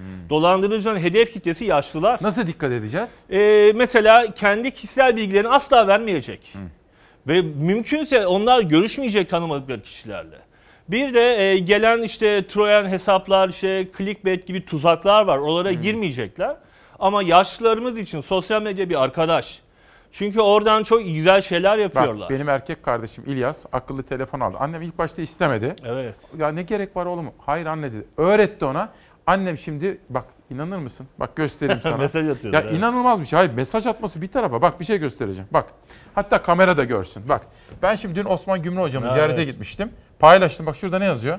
Evet evet. Bak annem. Halise Küçükkaya beğendi yazıyor. Harika. Ya mucize gibi bir şey bu. Harika, Bak evet. şurada Halise Küçükkaya beğendi diyor. Çünkü hayata bağlayacak. Şimdi bir başka mesele. Hani dedim ya Milli Eğitim Bakanlığı ile bir çalışın okullarımızda bütün okul ve sınıflarda ders olsun dedim. Enver Yücel diyor ki bak onlar ne kadar önce başladılar Evet, ama evet. biz diyor bunu daha da nasıl genişletebiliriz? Mesela biraz bunu anlatalım. Biz Eğitimi. şimdi Eskişehir ilinde 12 ilçede en merkezinden en ücrasına bunların eğitimlerini verdik. 5 modülümüz var ve 5 uzmanımız. Buradan da Sodügem'in genç çalışanlarına teşekkür ederim. Biz buna talibiz İsmail Bey. Türkiye'de biz bunu yapabiliriz. Çocukların dilinden, onların anlayacağı sadelikte bu işin olumlu ve olumsuz yanlarını anlatabiliyoruz. Ve bu farkındalık gelişti. Eskişehir Milli Eğitim Müdürü'nün bana söyledi. Hocam takip ediyoruz ve sizden sonra bu kriminal durumlar düştü dedi. Güzel. Anlatmamız lazım. Bilinçlendirmeyle yapabiliyoruz. Yasak olmuyor. Yasak ilgisini çekiyor insanın. Tabii. Ama bilinçlendirmek gerekiyor. Şu siteye girmeyeceksin. Girersen şunlar oluru anlatıyoruz. Peki. Ve talibiz. Bu işi çok rahat Türkiye'de yapabiliriz. Ya bu işi çözebiliriz. Çözeriz. Ama evet. lütfen bak bir şey söyleyeceğim. Enver Hoca'yla da görüşün, Milli Eğitim'le de Tabii, görüşün. Yani zaman. hem özelde hem devlette bu iş fark. Çünkü neden biliyor musun hocam? Bak hepimiz tehdit altındayız. Tabii, tabii, tabii. Ama bu fırsattan da faydalanmak istiyorum. Çok doğru. Çok Mesela doğru. bak uzaktan eğitim diyorlar. Şimdi tıkır tıkır işleyen kurumlar da var. İsim Evet. vermeyeyim ama. Evet, evet. Bir soru daha soracağım. Kendimizi nasıl koruyacağız? Mesela bolt hesaplar, sahte troll hesaplar, Tabii, tabii. maşin diyorlar. Makinaların kullanılması ve mesela FETÖ gibi terör örgütlerinin algı operasyonları. Kendimizi nasıl koruyacağız? Bunu soracağım ama Amerika'ya bir gitmek istiyoruz. Şimdi Türkiye'deki gelişmelere bakarken Amerika'da koronavirüse dair gelişmeler. Savaş hazır mıyız? İzleyelim. Amerika Birleşik Devletleri'nde Covid-19 rüzgarı yön değiştirdi. Korkutan açıklama Teksas'tan geldi. Virüsün odak noktasına çevirdiği eyalette hastaneler dolmak üzere. New York, New Jersey ve Connecticut'ta virüsün en yoğun görüldüğü eyaletlerden gelenlere 14 günlük karantina uygulanacak. Amerika'da salgının büyük darbe vurduğu New York'ta tedbirler gevşetilmeye devam ediyor. Restoran ve kafelerden sonra kuaförler ve berber dükkanları da açıldı. Müşterilerin aralarına plastik perde konuldu. Koruyucu ekipman kullanımı zorunlu tutuldu. Tedbirler bununla sınırlı kalmadı. New York valisi Andrew Cuomo, New Jersey ve Connecticut valileriyle bir araya geldi. Şu an virüsün Amerika'da en sert estiği eyaletlerden gelenlere karantina uygulanmasına karar verildi. Washington, Texas, Arizona gibi birçok eyaletten gelenler 14 gün karantinada kalacak. Teksas'ta sağlık uzmanları ve hastane yöneticileri açıklama yaptı. Gidişatın kötü olduğunu söylediler. Hastane kapasitelerinin dolma riskine vurgu yaptılar. 29 milyon nüfuslu Teksas eyaletinde vakalar 60 bine tırmandı. Daha da artması halinde acil ameliyatlar dışındaki tüm cerrahi müdahalelerin iptal edileceği konusunda uyarıda bulundular. Amerika Birleşik Devletleri'nde Covid-19'a karşı aşı bulma çabaları hız kazandı. Salgınla mücadelenin başındaki isim Dr. Fauci, korona aşısının 2020 sonu en geç 2021 başında hazır olabileceğini söyledi. Evet hocamıza soralım. Hocam şimdi bireysel olarak kendimizi işte mesela birisi kampanya başlatıyor. İşte sahte hesaplar, mesela takipçi satın alıyorlar falan. Ne yapmalı vatandaş? Şimdi e, öncelikle e, bu saldırılar çok yaygınlaştı. Yani e, eskiden e, otomatik yapılanlar şimdi cyborg dediğimiz, smart bot dediğimiz akıllı ve e, bakın o kadar ilginç şeyler var ki İsmail Bey. Sizin hesaplarınızı tarıyorlar. Sizin tanıdığınız kişilermiş gibi size şey yapıyor. Yani akıllı bir e, zeka ile bu işleri yapmaya başladılar. Bu çok önemli. Şimdi teknoloji ilerledi. Evet ama burada bakın hedef gösteriliyorsunuz. Evet. Bunu siz de yaşadınız. Evet. Biz inceledik. Hedef gösteriliyorsunuz. Ve ondan sonra Hatta bir siz- anda hatta siz FETÖ'cüleri de yak- buldunuz evet orada. yani Bana- FETÖ'cü hesapların İsmail Küçükkaya ile hesabı var demek. Biz bunları hep avukatımıza verdik. Tabii tabii. Detaya girmeye gerek. yok. Yani buradaki temel özellik şu. Bir kere teyit kültürü çok önemli. Sizi kim takip ediyor? Bakın milyonlarca takip değerli değil.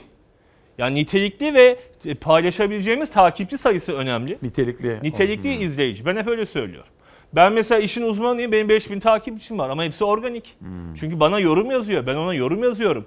Biyosuna E, hocam, bakıyorum. Twitter hesabını söyler misin? Evet. E, şimdi bir anda söyle. Levent Eraslan gelince. Levent Eraslan 1. E, Instagram'da da varsın. Evet. Levent Eraslan Peki. 75 Peki, oradaki tamam. de. Yani e, sonuç olarak şu. E, sosyal medyanın tehlikeli boyutları artık günümüzde artmaya başladı. Bu yüzden özellikle Milli Eğitim Bakanlığı, Aile Bakanlığı, Gençlik Spor Bakanlığı bu süreçte bir araya gelmeli. Hatta ben yıllardır Cumhurbaşkanlığımıza bağlı bir sosyal medya izleme kurulunu öneriyorum. Tüm dünyada bu var İsmail Bey. Amerika'da Ama tam ben bak bunu deyince ne oluyor biliyor musun? Hemen sansürleyecekler diye. Bak şimdi bunun bir tarafı da sansür. Devlet bunu öğrenmeli. Yani sansürlemeyle falan değil. Bunun düzgün regülasyon Tabii yani izleyecek, monitoring yapacak ve ona göre yapacak. Tüm dünya böyle yapmakta. Tabii. Bir de Mesela Fransa modeli, Almanya Tabii, modeli tabii, var, tabii, İtalya tabii. modeli var. Anglo-Sakson modeli daha işlevsel, hızlı Peki, ilerliyor. öyle mi? Tabii Amerika ve İngiltere'de bu hızlı yürüyor. Peki. Ama bunun yanında Trump kavga ediyor görüyorsunuz. Trump ve Twitter arasında büyük kavga var. Görüyorum, evet. Facebook'la kavgası var. Bakalım Peki. kim kazanacak? Hocam çok teşekkür ediyorum. Peki ben teşekkür ederim. Erkenden çıktın, geldin Ankara'dan buraya. Eşin Yasemin Hanım'a. Eşi Rizelidir efendim onu da söyleyelim. Selam söyle lütfen. Aleyküm Çok teşekkür selam. ediyorum. Çok sağ olun. Sonra Fırsat görüşürüz. verdiğiniz saygılar Sağ ol. sunuyorum. Teşekkür Şimdi Savaş yerel gazeteleri alalım. Bir de pamuk üreticisi dün söz vermiştim. Ee, ama önce şu gazete manşetlerini okuyalım. Adana 5 Ocak gazetesi Adana kazandı. Tabii 5 Ocak bu konuyu ısrarla takip etti ve sonunda Zeydan Karalar da uzlaşmacı bir kişilik oldu. Uzlaşmacı bir kişilik sergiledi ve Adana kazandı. Adana'da yapımı başlanan ama belediyenin şu anda imkanı hiç kalmadığı için neredeyse durma noktasına gelen Devlet Bahçeli Köprüsü Zeydan Karalar'la valilik arasındaki uzlaşma neticesinde Ulaştırma Bakanlığı'nın da katkısıyla çözülecek diyoruz. Adana 5 Ocak'tan İzmir'e geçiyorum. Mutlu sona doğru liman arkası ve Salhane çevresindeki imar çıkmazı son buluyor. Büyükşehir'in ardından Konak Belediyesi'nin düzenlemesiyle bu bölgede sorun kalmayacak diyor. Bir de sür manşete gidelim. Ege Telgraf yazısının üzeri mühendis başkanın adamları üretti. Başkent Üniversitesi geliştirecek. Çiğli Belediyesi'nin öncülüğünde geliştirilen yerli ve milli solunum cihazı Başkan Gümrükçü tarafından Başkent Üniversitesi kurucusu Profesör Doktor Mehmet Haberal'a teslim edildi. Yani artık güvenilir ellerde demektir efendim. Dün manşetlerde okurken size söz vermiştim. Pamuk üreticisi dertli.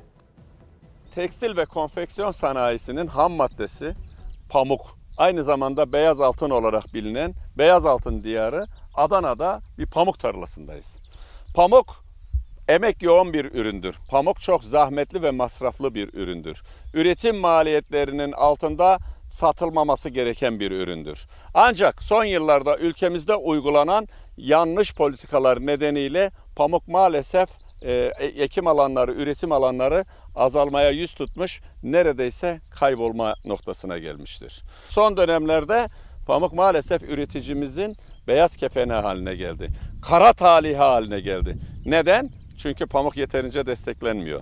Pamukta uygulanan teşvik primi politikası son derece yanlıştır. 3 yıldır pamukta kilogramı 80 kuruştan destekleme primi, yağlı tohumlarda uygulanan destekleme primi verilmektedir. 2019 yılında ödenmesi gereken 80 kuruşluk verilmiş olan prim daha bir sezon sonra bugünlerde ödenmeye başladı. Önümüzdeki dönemlerde Çukurova'nın esas ve ana ürünü olan başta gelen pamuğun eski günlerine kavuşması için ihtiyacımız var çünkü. Primimizi kilogramını bir buçuk liradan aşağıya açıklamamak gerekiyor. Ve bugünlerde üreticiye bu müjdeyi vermek gerekiyor. Hani geçen hafta ben birkaç kere Türk İş Başkanı ile yaptığım konuşmalardan bahsetmiştim. Bir kısmı off the record yani kayıt dışı kalmıştı. Fakat kendisini dikkatle takip ettiği konulardan biri kıdem, bir diğeri de esnek çalışma sistemi. Onun haberleri var efendim. Ama önce birkaç kitap tanıtalım. Şiirler Recai Coşkun Biri isimli kitap ile bu sabah çalar saatte. Munzur şahit olsun Hasan Yeşilgöz yazmış, imzalamış, yollamış. Yaşayan Düşünceler Necla Uyanık Bilgilioğlu. Çok teşekkür ediyoruz kendisine Yaşayan Düşünceler için. Sosyal medya manşetleriyle gündeme şöyle bir bakalım. Burada mı burada mı? Verelim. Hangisini? Ver. Ver ver. Heh. Evet Bir Gün Gazetesi. Demirtaş'tan ölüm orucundaki avukatlar Ebru Timtik ve Aytaç Ünsal için Adalet Bakanı'na çağrı. İlk defa bir siyasetçiden ricada bulunuyorum. Bu konuyu başka türlü değerlendirin, insani açıdan ele alın diyor Selahattin Demirtaş. Berat Albayrak, Borsa İstanbul yılbaşından bu yana yükselişini devam ettirerek 2020'nin kayıplarını geri alan az sayıda borsadan biri oldu dedi. Ruşen Çakır, kimse kimseyi kandırmasın, kimse kimseyi kandırmadı dünkü yayın. Fotoğrafa lütfen dikkatle bakınız. Biraz daha dolalım arkadaşlar, biraz daha yaklaşalım. Bu fotoğrafa ilişkin bir yayın yaptı Ruşen Çakır ve bakın terör örgütü lideri Fethullah Gülen orada ve bir zamanlar mazide neler neler vardı. Bankasya'nın açılışında çekilmiş bir fotoğraf. Ruşen Çakır kimse kimseyi kandırmadı diyor. Türkiye Kadın Dernekleri Federasyonu gazeteciler 4 ay sonra yargı karşısına çıktı. 3 gazeteci serbest kalırken 3 gazetecinin tutukluluğuna devam kararı verildi. Sol Haber, geçtiğimiz günlerde Covid-19'a yakalandığını açıklayan ve tedavisi halen devam eden Dersim Belediye Başkanı Fatih Mehmet Maçoğlu ile temasta bulunan CHP'li 4 belediye başkanı karantinaya alındı. Sol Haber'den bir manşet. Biz 10 TV'de İngiliz Financial Times gazetesi Ankara Büyükşehir Belediye Başkanı Mansur Yavaş'ın kampanyalarını ve korona boyunca yaptığı yardımları inceledi. Yavaş için sürpriz star tanımını yapan gazete Ankara'nın %65'inin Mansur Yavaş'ın salgındaki performansını başarılı bulduğunu yazdı. Dünya gazeteleri de Mansur Yavaş'ın başarısına işaret eden manşetlerle çıkıyor. Bir gün gazetesinde Vushu'da skandallar sona ermiyor. Vushu'da skandallar sona ermiyor. Federasyon Başkan Vekilinin eşi hakem yapıldığı turnuvaya tek sporcu olarak katıldı ve birinciliği kimselere kaptırmayarak şampiyonluğu kazandı. Bir gün gazetesi editörleri buradaki tuhaflıkları kaleme alınca federasyon yetkilileri de dediler ki Siyonizmin hedef tahtası haline geldik dediler efendim bu çarpıcı manzarada. Profesör Doktor Mustafa Öztürk, şehirler betonlaştırılacak, dere yataklarına binalar ve yollar yapılacak, yağmur suyu akışı engellenecek şekilde yapılaşmaya müsaade edilecek, yağmur suyunun toprakla buluşması önlenecek, yeşil alanlar yok edilecek. Bütün bunları yaptıktan sonra da diyeceksiniz ki yanlışlara iklim değişikliği. Hadi oradan diyor Profesör Doktor Mustafa Öztürk efendim. Siyasetin en önemli gündem maddelerinden birisi de ha değiştirdiniz mi Savaş? Peki. Önce esnek çalışma haberini veriyoruz. Sonra siyasetin gündem maddesine bakacağız.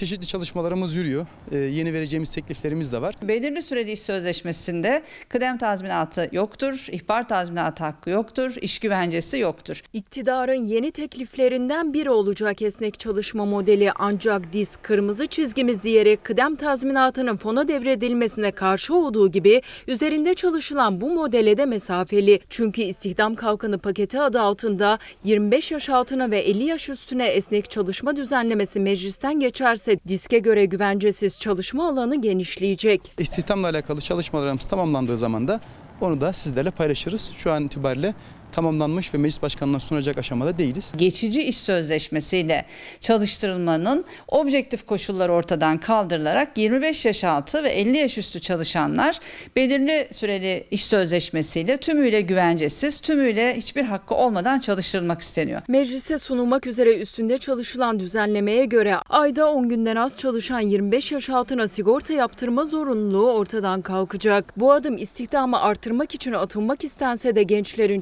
çalıştıkları yıllar emekliliklerine bile yansımayacak. Güvencesiz çalışacaklar. 25 yaş altı işsizlikle boğuşan, iş bulma ümidini bile kaybetmiş olan, geleceği karartılmış olan gençlerimiz ve 50 yaş üstü çalışanlar bu şekilde çalıştırılmak isteniyor. Bu son derece tehlikeli bir düzenleme. 50 yaş üstü de düzenlemeye dahil. Kısmi zamanlı çalıştıran işverene destek verileceği için patronların belirli süreli iş sözleşmesini daha çok tercih etmesi bekleniyor. Bu da özellikle emeklilikte yaşa takılanları etkileyecek. Çünkü ne emekli olup maaş alabilecekler ne de iş güvenceleri olacak. Belirli süreli iş sözleşmesinin sonunda işçinin kıdem tazminatı yoktur. İşe iade davası açamaz. Yani kazanmış bütün hakların ortadan kaldırıldığı istisnai bir çalıştırma biçimi Tamamlayıcı emeklilik sistemi adı altında kıdem tazminatının fona devredilmek istenmesi hala gündemdeki sıcak yerini koruyor. Türk İş kıdem tazminatıma dokunma diye binasına dev pankart asmıştı. Bu kez bir de video hazırladı.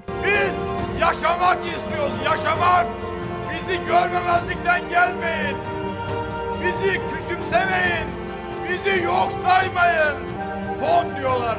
Geçmişte fonların akıbetini biliyoruz. Fon lafını ülke gündeminden çıkartın. Türk İş Başkanı Ergün Atalay'ın daha önceki sözleriyle hazırlandı video. En çok üyeye sahip işçi sendikasından bir kez daha kıdem bizim son kalemizdir mesajı geldi. Her sene kıdemi ülke gündemine getirmeyin. Huzurumuzu bozmayın. Buradan ülkeyi idare edenlere sesleniyorum. Kıdem bizim son kademimiz. Kıdem tazminatı bizim için önemli konulardan biri. Bu arada reyting rakamları gelmiş. Muazzam izlenmiş. Ahmet Davutoğlu'nun dünkü yayını. Bakın yaz dönemindeyiz. 19 şehirler. Şöyle anlatayım. Bir sabah programı düşünün. Başka kanalların ana haber bültenlerinin üzerinde. Yani güveninize teşekkür ediyorum ama bu bizim için değil. Türkiye için üzerinde düşünmesi düşünmesi gereken bir mesele var burada. Çok bence kritik bir şey. 19 şehir yaz döneminde enteresan. Şimdi biraz evvel sizlere Emin Çöleşan'ın Türkiye'deki bağımsız gazetecilerin ne kadar baskı altına alındığını, kampanyalara maruz bırakıldığını anlatan yazısından bahsetmiştim. Sürpriz bir yazı. Hıncal Uluç. Ekrem İmamoğlu'nun yanındayım diyor bakın. Çok bence bugün çok konuşulur bu yazı. Usta tabii nasıl konuşulması gerektiğini biliyor. Nasıl kendisinden konuşturacağını biliyor. Bakın yanındayım İmamoğlu diyor. Çünkü İmamoğlu İstanbul için çok önemli. Benim de yıllardan beri yazdığım İstanbul taksileri konusuna el attı. İstanbul'u sömüren bir avuç plaka ağasına ve onlarla işbirlikçi çalışan Oto Center taksi galericilerine savaş açtı. Lafla değil çözüm bularak ve göstererek. Bulduğu çözüm de gerçekçi, doğru. İşte bu taksi savaşı için sonuna dek yanındayım İmamoğlu'nun. Yarın bu konuya daha geniş ele alacağım diyor efendim. Taksi meselesini çözmeye kararlı ya İmamoğlu ve çok sürpriz bir destek almış kendisi Hıncal Uluç'tan. Ve sosyal medya manşetlerinden sonra gazetecilere dair mesajlar gelsin. Basın ürdür sansür edilemez. Oda TV. Barış Pehlivan. Bize sürekli dava açanlar, ölümle tehdit edenler, hapse atanlar şunu anlamıyor.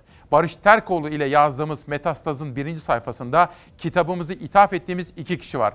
Adil bir gelecekte yaşamaları için Arya'ya ve Ali Derya'ya onlar bizim çocuklarımız diyor. Gerçek gündem.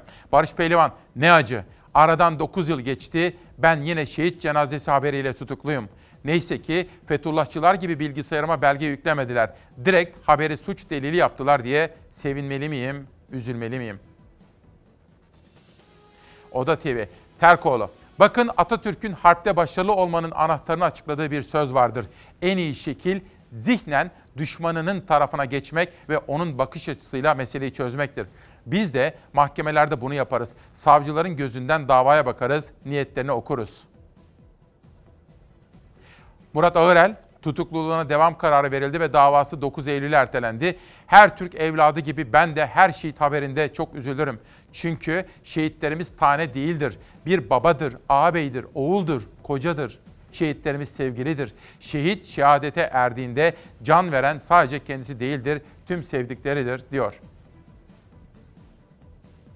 Çelik, dün serbest bırakılanlardan basın özgürlüğü sıralamasında Türkiye son sırada böyle küçük bir olaydan büyük bir suçmuş gibi bir şey yaratmak doğru değil. İşte bakın bu.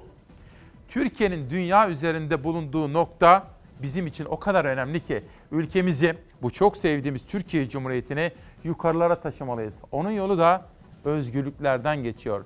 Özgürlüklerden yani evrensel değerlerden geçiyor. Sırada siyasete dair bir gelişme var. Selahattin Demirtaş tartışması siyasilerin ana gündem konularından birisi oldu. tahliye kararı alınıyor. Başka bir suçtan tekrar içeri alınıyor.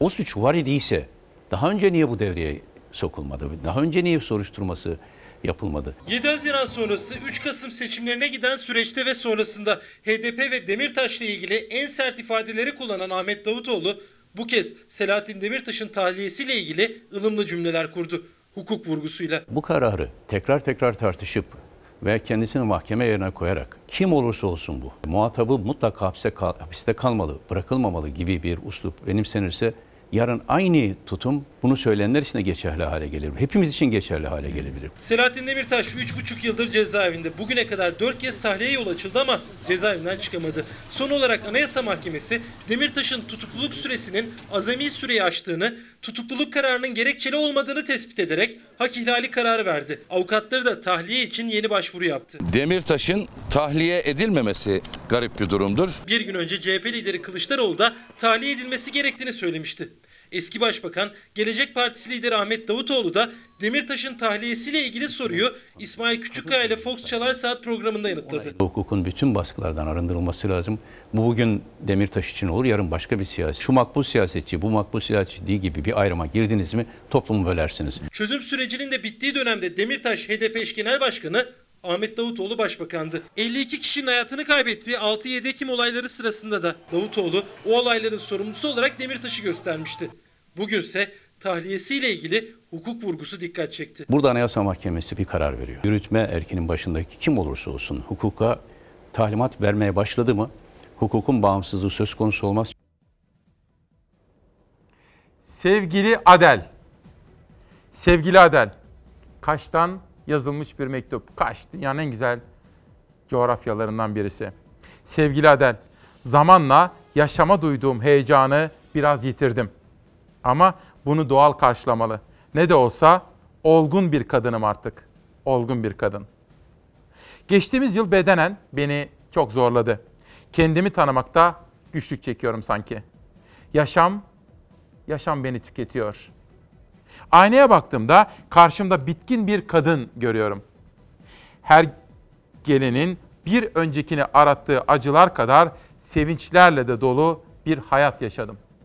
Acılarla ve sevinçlerle dolu bir hayat yaşadım diyor Ferzan Özpetek.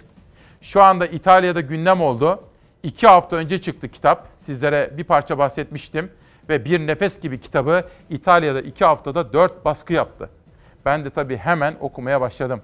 Ve hemen telefonun ucunda Ferzan Özpetek. İzleyelim bakalım. Ferzan Bey günaydın. Günaydın, günaydın. Vallahi şimdi biz sizi tabii sinemadan tanıyoruz, sinemadan seviyoruz. Fakat şimdi kitap ekini de okudum. Burada da söylendiği gibi bakın burada da Eray Ak diyor ki İstanbul'dan Roma'ya bir kader hikayesi. Burada da diyor ki Ferzan Özpetek sinemada olduğu gibi edebiyatta da kalıcı olmaya kararlı diyor. Ne dersiniz? Ya öyle bir niyetim yok. Bu benim üçüncü kitabım. Ee, ben bizi hepimiz çok şaşırttı kitabın gidişatı burada, İtalya'da gidişatı. Hatta işte beni e, bu Mondadori var. Buranın en önemli e, yayıncılarından birisi. O yani benim kitap evi. O a, onun başındaki adam. Dedi ki Ferzan Bey e, bir sandalyeye oturun dedi. Oturdum dedim. E, biliyor musunuz dedi. İlk defa dedi İtalyan edebiyatında dedi bir sinema e, yönetmeninin yazdığı bir kitap birinci dedi. Yani top 10'de birinci oldu dedi. E, tabii heyecanlı bir olay bu. Ee, ben e, telefonu kapattım. İlk aradığım abimi aradım. Olmayan abimi aradım. Yani iki sene önce kaybettiğim abimi aradım. Ee, çok yakın bir arkadaşımı aradım. Çok sevdiğim, e, onun da işte 41 yıllık arkadaşım. İkisi yok. Sonra üçüncü olarak da bir başka arkadaş aradım. Ondan konuştuk. O tabii ki birinci olacak dedi. İlk kitabı okuyan kişiydi. O da Mina diye buranın önemli bir şarkıcısıdır. Çok sevdiğim. Sezen gibi sevdiğim. Ee, kitap çok çok iyi gidiyor. Yani beni şaşırtıcı bir şekilde gidiyor. Ee, etrafta devamlı olarak kitaptan konuşuluyor. Ama tabii şimdi film olmadığı için kitap bambaşka bir duygudayım. Yani öyle e, bir filmin çıkıp da e, hemen bir şey yapması var. Bunun gidişatı işte şimdi e, 100 bin e, tane oldu şu anda. E, yeni baskıya tekrar giriyor. İşte e, cumartesi günü e, bir, e, gazetede tam sayfa şey çıkıyor. Onda doğru teşekkür ediyor diye 100 bin e, tane diye bir şey çıkartıyor. Güzel yani güzel bir duygu. E, bir Neden de, biliyor e, musunuz? Ferzan Bey. Şimdi ben kitabı okudum. Sanki bir Ferzan Özpetek filmi izler gibiydim. Şimdi şöyle, izleyenler de bileceklerdir. Çok hoş sofralar vardır. Hoş müzikler vardır. Şimdi kitapta da böyle bir sahne var. Aslında bütün hikayenin başlangıcı o. Şahane bir sofra hazırlanıyor. Ve çünkü birisi arkadaşlarıyla dertleşmek ister. içini onlara açmak ister. Fakat davetsiz bir misafir gelir oraya, sofraya. Ne olur birazcık bahsedin tam o bölümden. Şey ya yani e, şöyle bir şey benim hep aklıma takılan bir şey vardı. Ben oturduğum ev şu anda değil bundan önceki ev. Şimdi ev tamir ediliyor. E, 1902'ye ait 1901'e ait. Hep aklıma gelmiştir. Ya birisi kapıyı çalsa ben şu evi görebilir miyim? Ben yıllar önce burada oturdum dese. Ben buyurun bakın derim yani çünkü evlerin hikayelerinde hep insanlar vardır, oturanlar vardır. Öyle bir olayla başlıyor konu. Ee, benim de e, ya, yazdığım zaman, hikayeyi anlattığım zaman bir İstanbul özlemi vardı 70'li 80'li yılların İstanbul'u. Bir de roman özlemi vardı o yılların. Yani şimdi siz biraz önce sosyal medyadan falan konuştunuz. Yani internetin olmadığı, sosyal medyanın olmadığı, belki de şu konuşmamızın yapılamayacağı bir şeyin olmadığı, olduğu bir dünya olsa harika olur diye düşünüyorum ben hep. Öyle bir şeyim var yani. Takıntım var. Çünkü ilişkilerimiz çok değişti. Gittikçe değişti internet yüzünden. İşte Instagram devamlı olarak benim Instagram'da yazıyorum. Resim koyuyorum. Instagram'da annemin doğum gününü koyuyorum. İşte e, bir, bir yer görüyorum işte tatil yerinde onu koyuyorum. Kitapla ilgili çok yazı çıkıyor. Instagram şeyinde, e, Twitter'de. Ama yani e, şey olayı bitti tabii. Yani insan ilişkilerini çok değiştirdi cep telefonları. Şimdi- Buradaki anlattı... Evet. evet. Lütfen lütfen devam Buyurun, edin. buyurun. Hayır burada e, ilk olarak kitabı e, Mondador ve benim editörüm okuduğu zaman dedi ki ya Ferzan sen film yazmışsın bize. dedi. Bence de. Ben dedim yok dedim film değil dedim. E dedi ama dedi yani romanla film arasında bir şey olmuş dedi. E, mem- memnun değil misin dedim. E çok memnunum ama dedi yani dedi biraz dedi filme kaymışsın dedi. E, öyle olsun ne yapalım isterseniz öyle olsun isterseniz almayın dedim. O yok yok o- öyle şey olur mu falan diye şey yaptı. Ama Bir ben de bunu film işte- olarak görmek isterim. Ya yani şu anda bir sürü teklif var. Yani hatta yabancı şirketlerden de teklif var. Ama ben şu anda e, bambaşka bir şey yapmak istiyorum. Film olarak ileride yani bir aradan bir zaman geçmesi lazım. Zaten bir kitabın gidişatı çok şey. Yani burada mesela kulaktan kulağa olayı müthiş. Bir de ben kitabın iyi gideceğini şimdi biz bir evden bir eve taşındık. Öteki ev tamir edilecekti. Taşımacılığı yapan bey bana telefon açtı dedi ki Ferzan Bey dedi o istasyondaki kadını merak ettim dedi. Ben de zannettim ki eskiden yaptığım bir reklam filmi vardı. Ee, yani eskiden dediğim e, bu tren şeyleri için yaptım. Ha dedim ben o kadının saçlarını maviye boyamıştım dedim. Yok ondan bahsetmiyorum kitabınızdan bahsediyorum dedi. Öğlenleyin dedi kitabın başladığı gibi ben öğlenleyin başladım dedi. Akşam yemeğine kitabı bitirdim dedi bırakamadım elimden dedi. Ben orada dedim ki taşımacılık yapan bir adam yani şey olarak söylüyorum bunu kesinlikle işte ne entelektüel ne tam tersi kitap okuyacağını bile düşünmediğim bir insan. Ama o kadar heyecanlı anlatıyor ki o kadar şeyler anlatıyor ki dedim Çünkü- ki bu kitap galiba iyi gidecek bu kitap. Şöyle bir şey de var. Hani günümüzde aslında Ferzan Özpetek bütün kavramların, bütün kelimelerin içini boşalttık ya biz. Şimdi bu kitapta tabii o sahne var. Fakat beklenmedik bir misafir ve o misafirin başına gelenler ve bırakmış olduğu mektuplar var. Mektuplar var.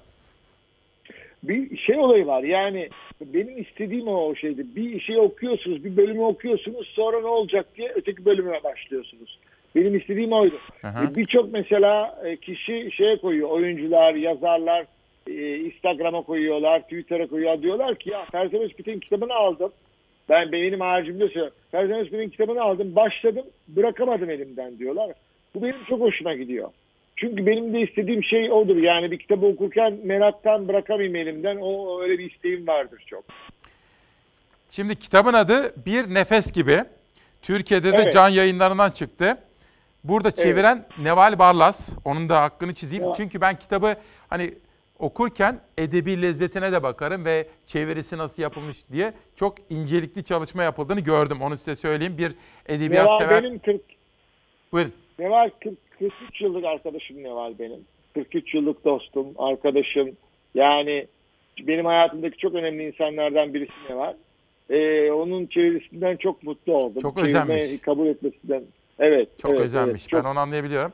Şimdi kitabın şöyle bir cümlesi de var aslında kitaptan önceki sayfalarda. Fakat sizi birazcık bu konuda konuşturmak istiyorum. Seni seviyorum. Seni seviyorum ve bunun bu kadar oluşu beni kırıyor. Diyorsun. Yani çok daha fazlası olması Çok daha fazlasını isterdim gibilerinden. O çok hoşuma gidiyor benim. Çok hoşuma gidiyor. Zaten mesela ben e, hep yine şeyden bahsediyorum. Instagram'a hemen hemen her gün bir Türk şairini koyuyorum. Onun çevirisini Nazlı Bilgen yapıyor.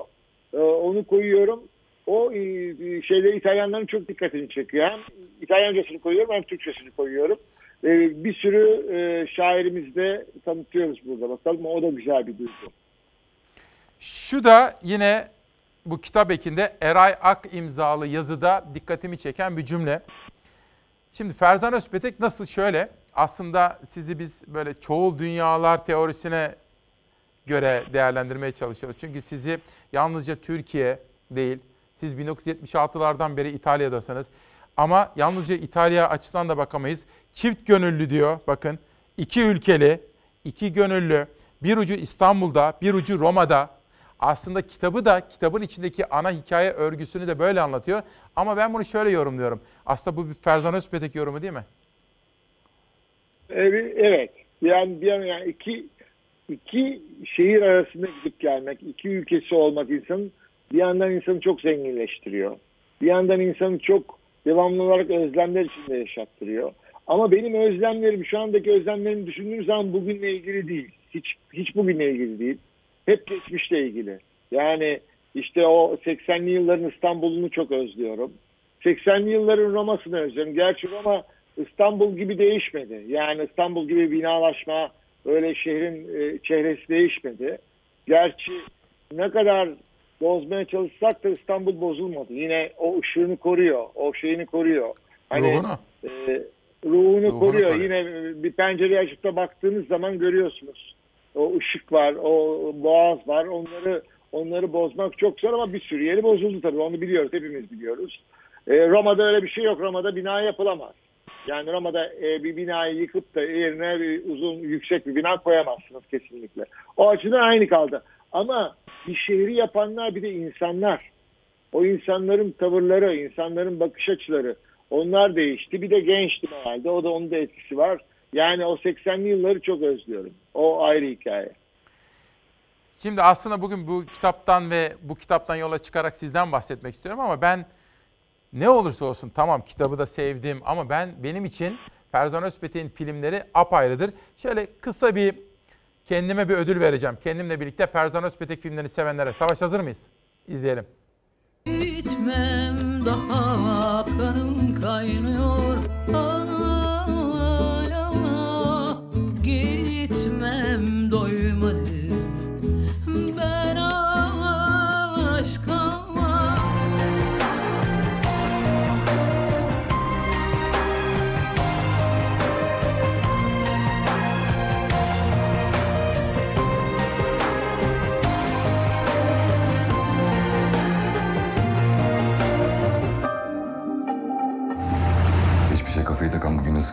Oğlum Londra'da yaşadığınızı söyledi. Çocukluğunuz İstanbul'da mı geçti? Evet. İstanbul sadece anılarda kaldı.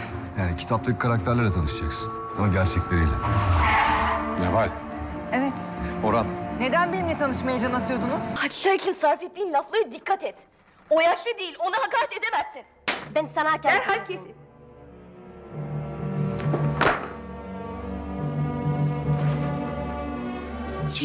Cinquantamila lacrime non basteranno perché musica triste sei tu dentro di me. Çok güzel filmler yaptınız Ferzan Bey. Sağ olun. Çok sağ olun. Çok sağ olun. Ee, Şimdi- en e, buyurun. Buyurun. Şu e, en son olan yani şans tanrıçası beni çok mutlu etti. E, çünkü bir de çok şanslı oldum orada. Çünkü Kasım ayında çıkacaktı. Sonra ben dedim Kasım ayında çıkmasından seviniyordum bir yandan. E, dediler ki Warner'dan biz bunu Noel'de çıkartalım. E, Noel'de hatta dedim ya Noel'de çıkartma Noel'den sonra olsa falan dedim ki onlar yok tam Noel filmi bizim için dediler. Ve Noel zamanında çıkarttılar. Çok iddialı bir dönem o. Ve film acayip iyi gitti. Müthiş güzel gitti. Covid geldi arkasından. Yani film şeyini bitirdi. Bitirdiğinin ertesinden bir hafta sonra Covid geldi. E, o dönemde de alıp bir de şey de koydular. Hatta geçen gün bir program dedim ki e, ekmekle dedim hani e, tabağı dedim temizler gibi dedim. Warner dedim. Bir de dedim filmi dedim ardından televizyon şeylerinde de sattı dedim. Ona çok güldü insanlar.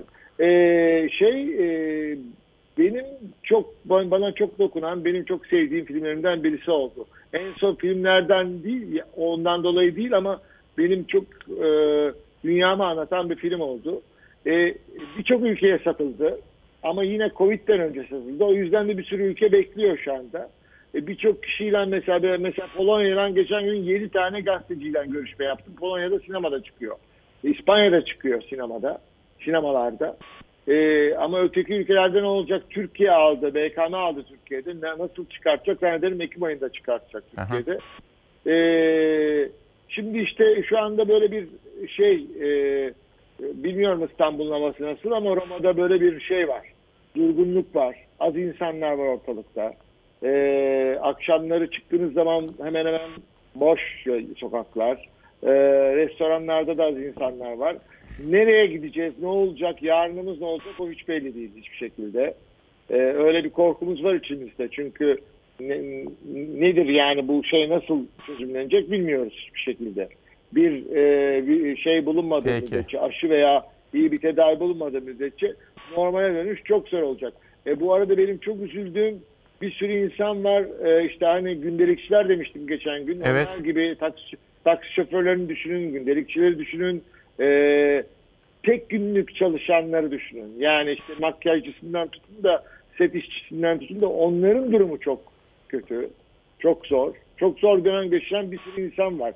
Tezgahtarlık yapar mesela ama bir şey yoktur. Onların durumları çok zor. Ee, e, aynı şey İtalya'da da var bir sürü. Mesela dün e, bir taksi e, taksiyle bir yere gittim. E, taksi şoförü diyor ki abi diyor, iş diyor yani iş çok az diyor. Çok insan da az insan dolaşıyor ortalıkta diyor. E, hep bunlar restoranları görüyorum şimdi oturduğum mahallenin buradaki bomboş hepsi. E, bayağı bir m, bizi etkileyen bir durum bu. Yani havada böyle bir şey olan bir durum. Ben de bunun üzerine yeni filmi yazmaya başladım şimdi. İşte Peki. onunla uğraşıyorum şu anda. Ferzan Özpetek sizinle bir sabaha başlamak güzeldi. Çok teşekkür ediyorum. Bu kitap Ben teşekkür Bir Nefes gibi Ferzan Özpetek kitabı İtalya'da iki haftada dört baskı yaptı ve bitti. Beşinci baskıya doğru gidiyor. Gerçekten onun filmlerini de... Oldu. Şimdi oldu. 5 değil mi? Tamam. Çok Beşe teşekkür geldi. ediyoruz.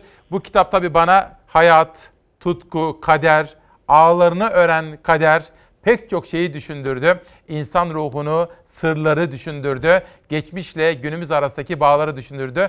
Ferzan Özpetik'i sevgi ve saygıyla uğurlarken bugün Kazım Koyuncu'yu anacağız. Çünkü onu yitirdik. O şair ceketli çocuktu. Onu anmadan geçmek istemedik. Çünkü biz İsmail Küçükkaya ile Çalar Saat ailesi vefalı olmak durumundayız. 7 yıldır her sabah yaptığımız gibi o gün anmamız gerekenleri ismiyle, cismiyle, ruhuyla, eserleriyle yaratmamız gerekenleri de, yaşatmamız gerekenleri de yaşatmaya gayret edeceğiz. Kazım Koyuncu'yu unutmadık, unutmak da mümkün değil. Hazır mıyız arkadaşlar? Yarın sabaha kadar esen kalın, sağlıkla kalın. İşte gidiyorum bir şey demeden Arkamı dönmeden şikayet etmeden Hiçbir şey almadan bir şey vermeden Yol ayrılmış görmeden gidiyorum İşte gidiyorum bir şey demeden Arkamı dönmeden şikayet etmeden Hiçbir şey almadan bir şey vermeden Yol ayrılmış görmeden gidiyorum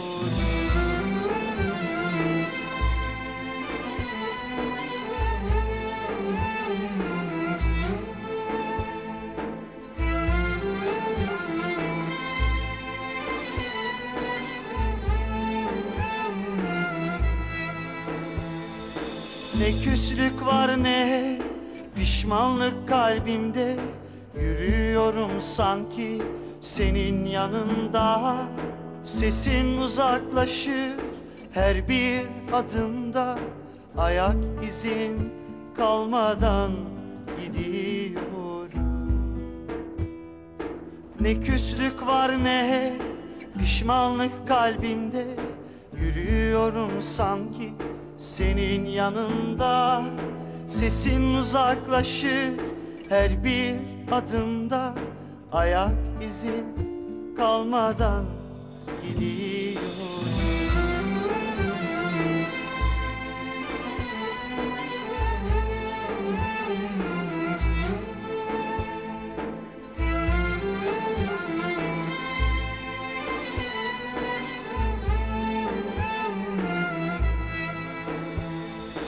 Gerdiğin tel kalbimde kırılmadı Gönül kuşu şarkıdan yorulmadı. Bana kimse sen gibi sarılmadı Işığımız sönmeden gidiyorum Gerdiğin tel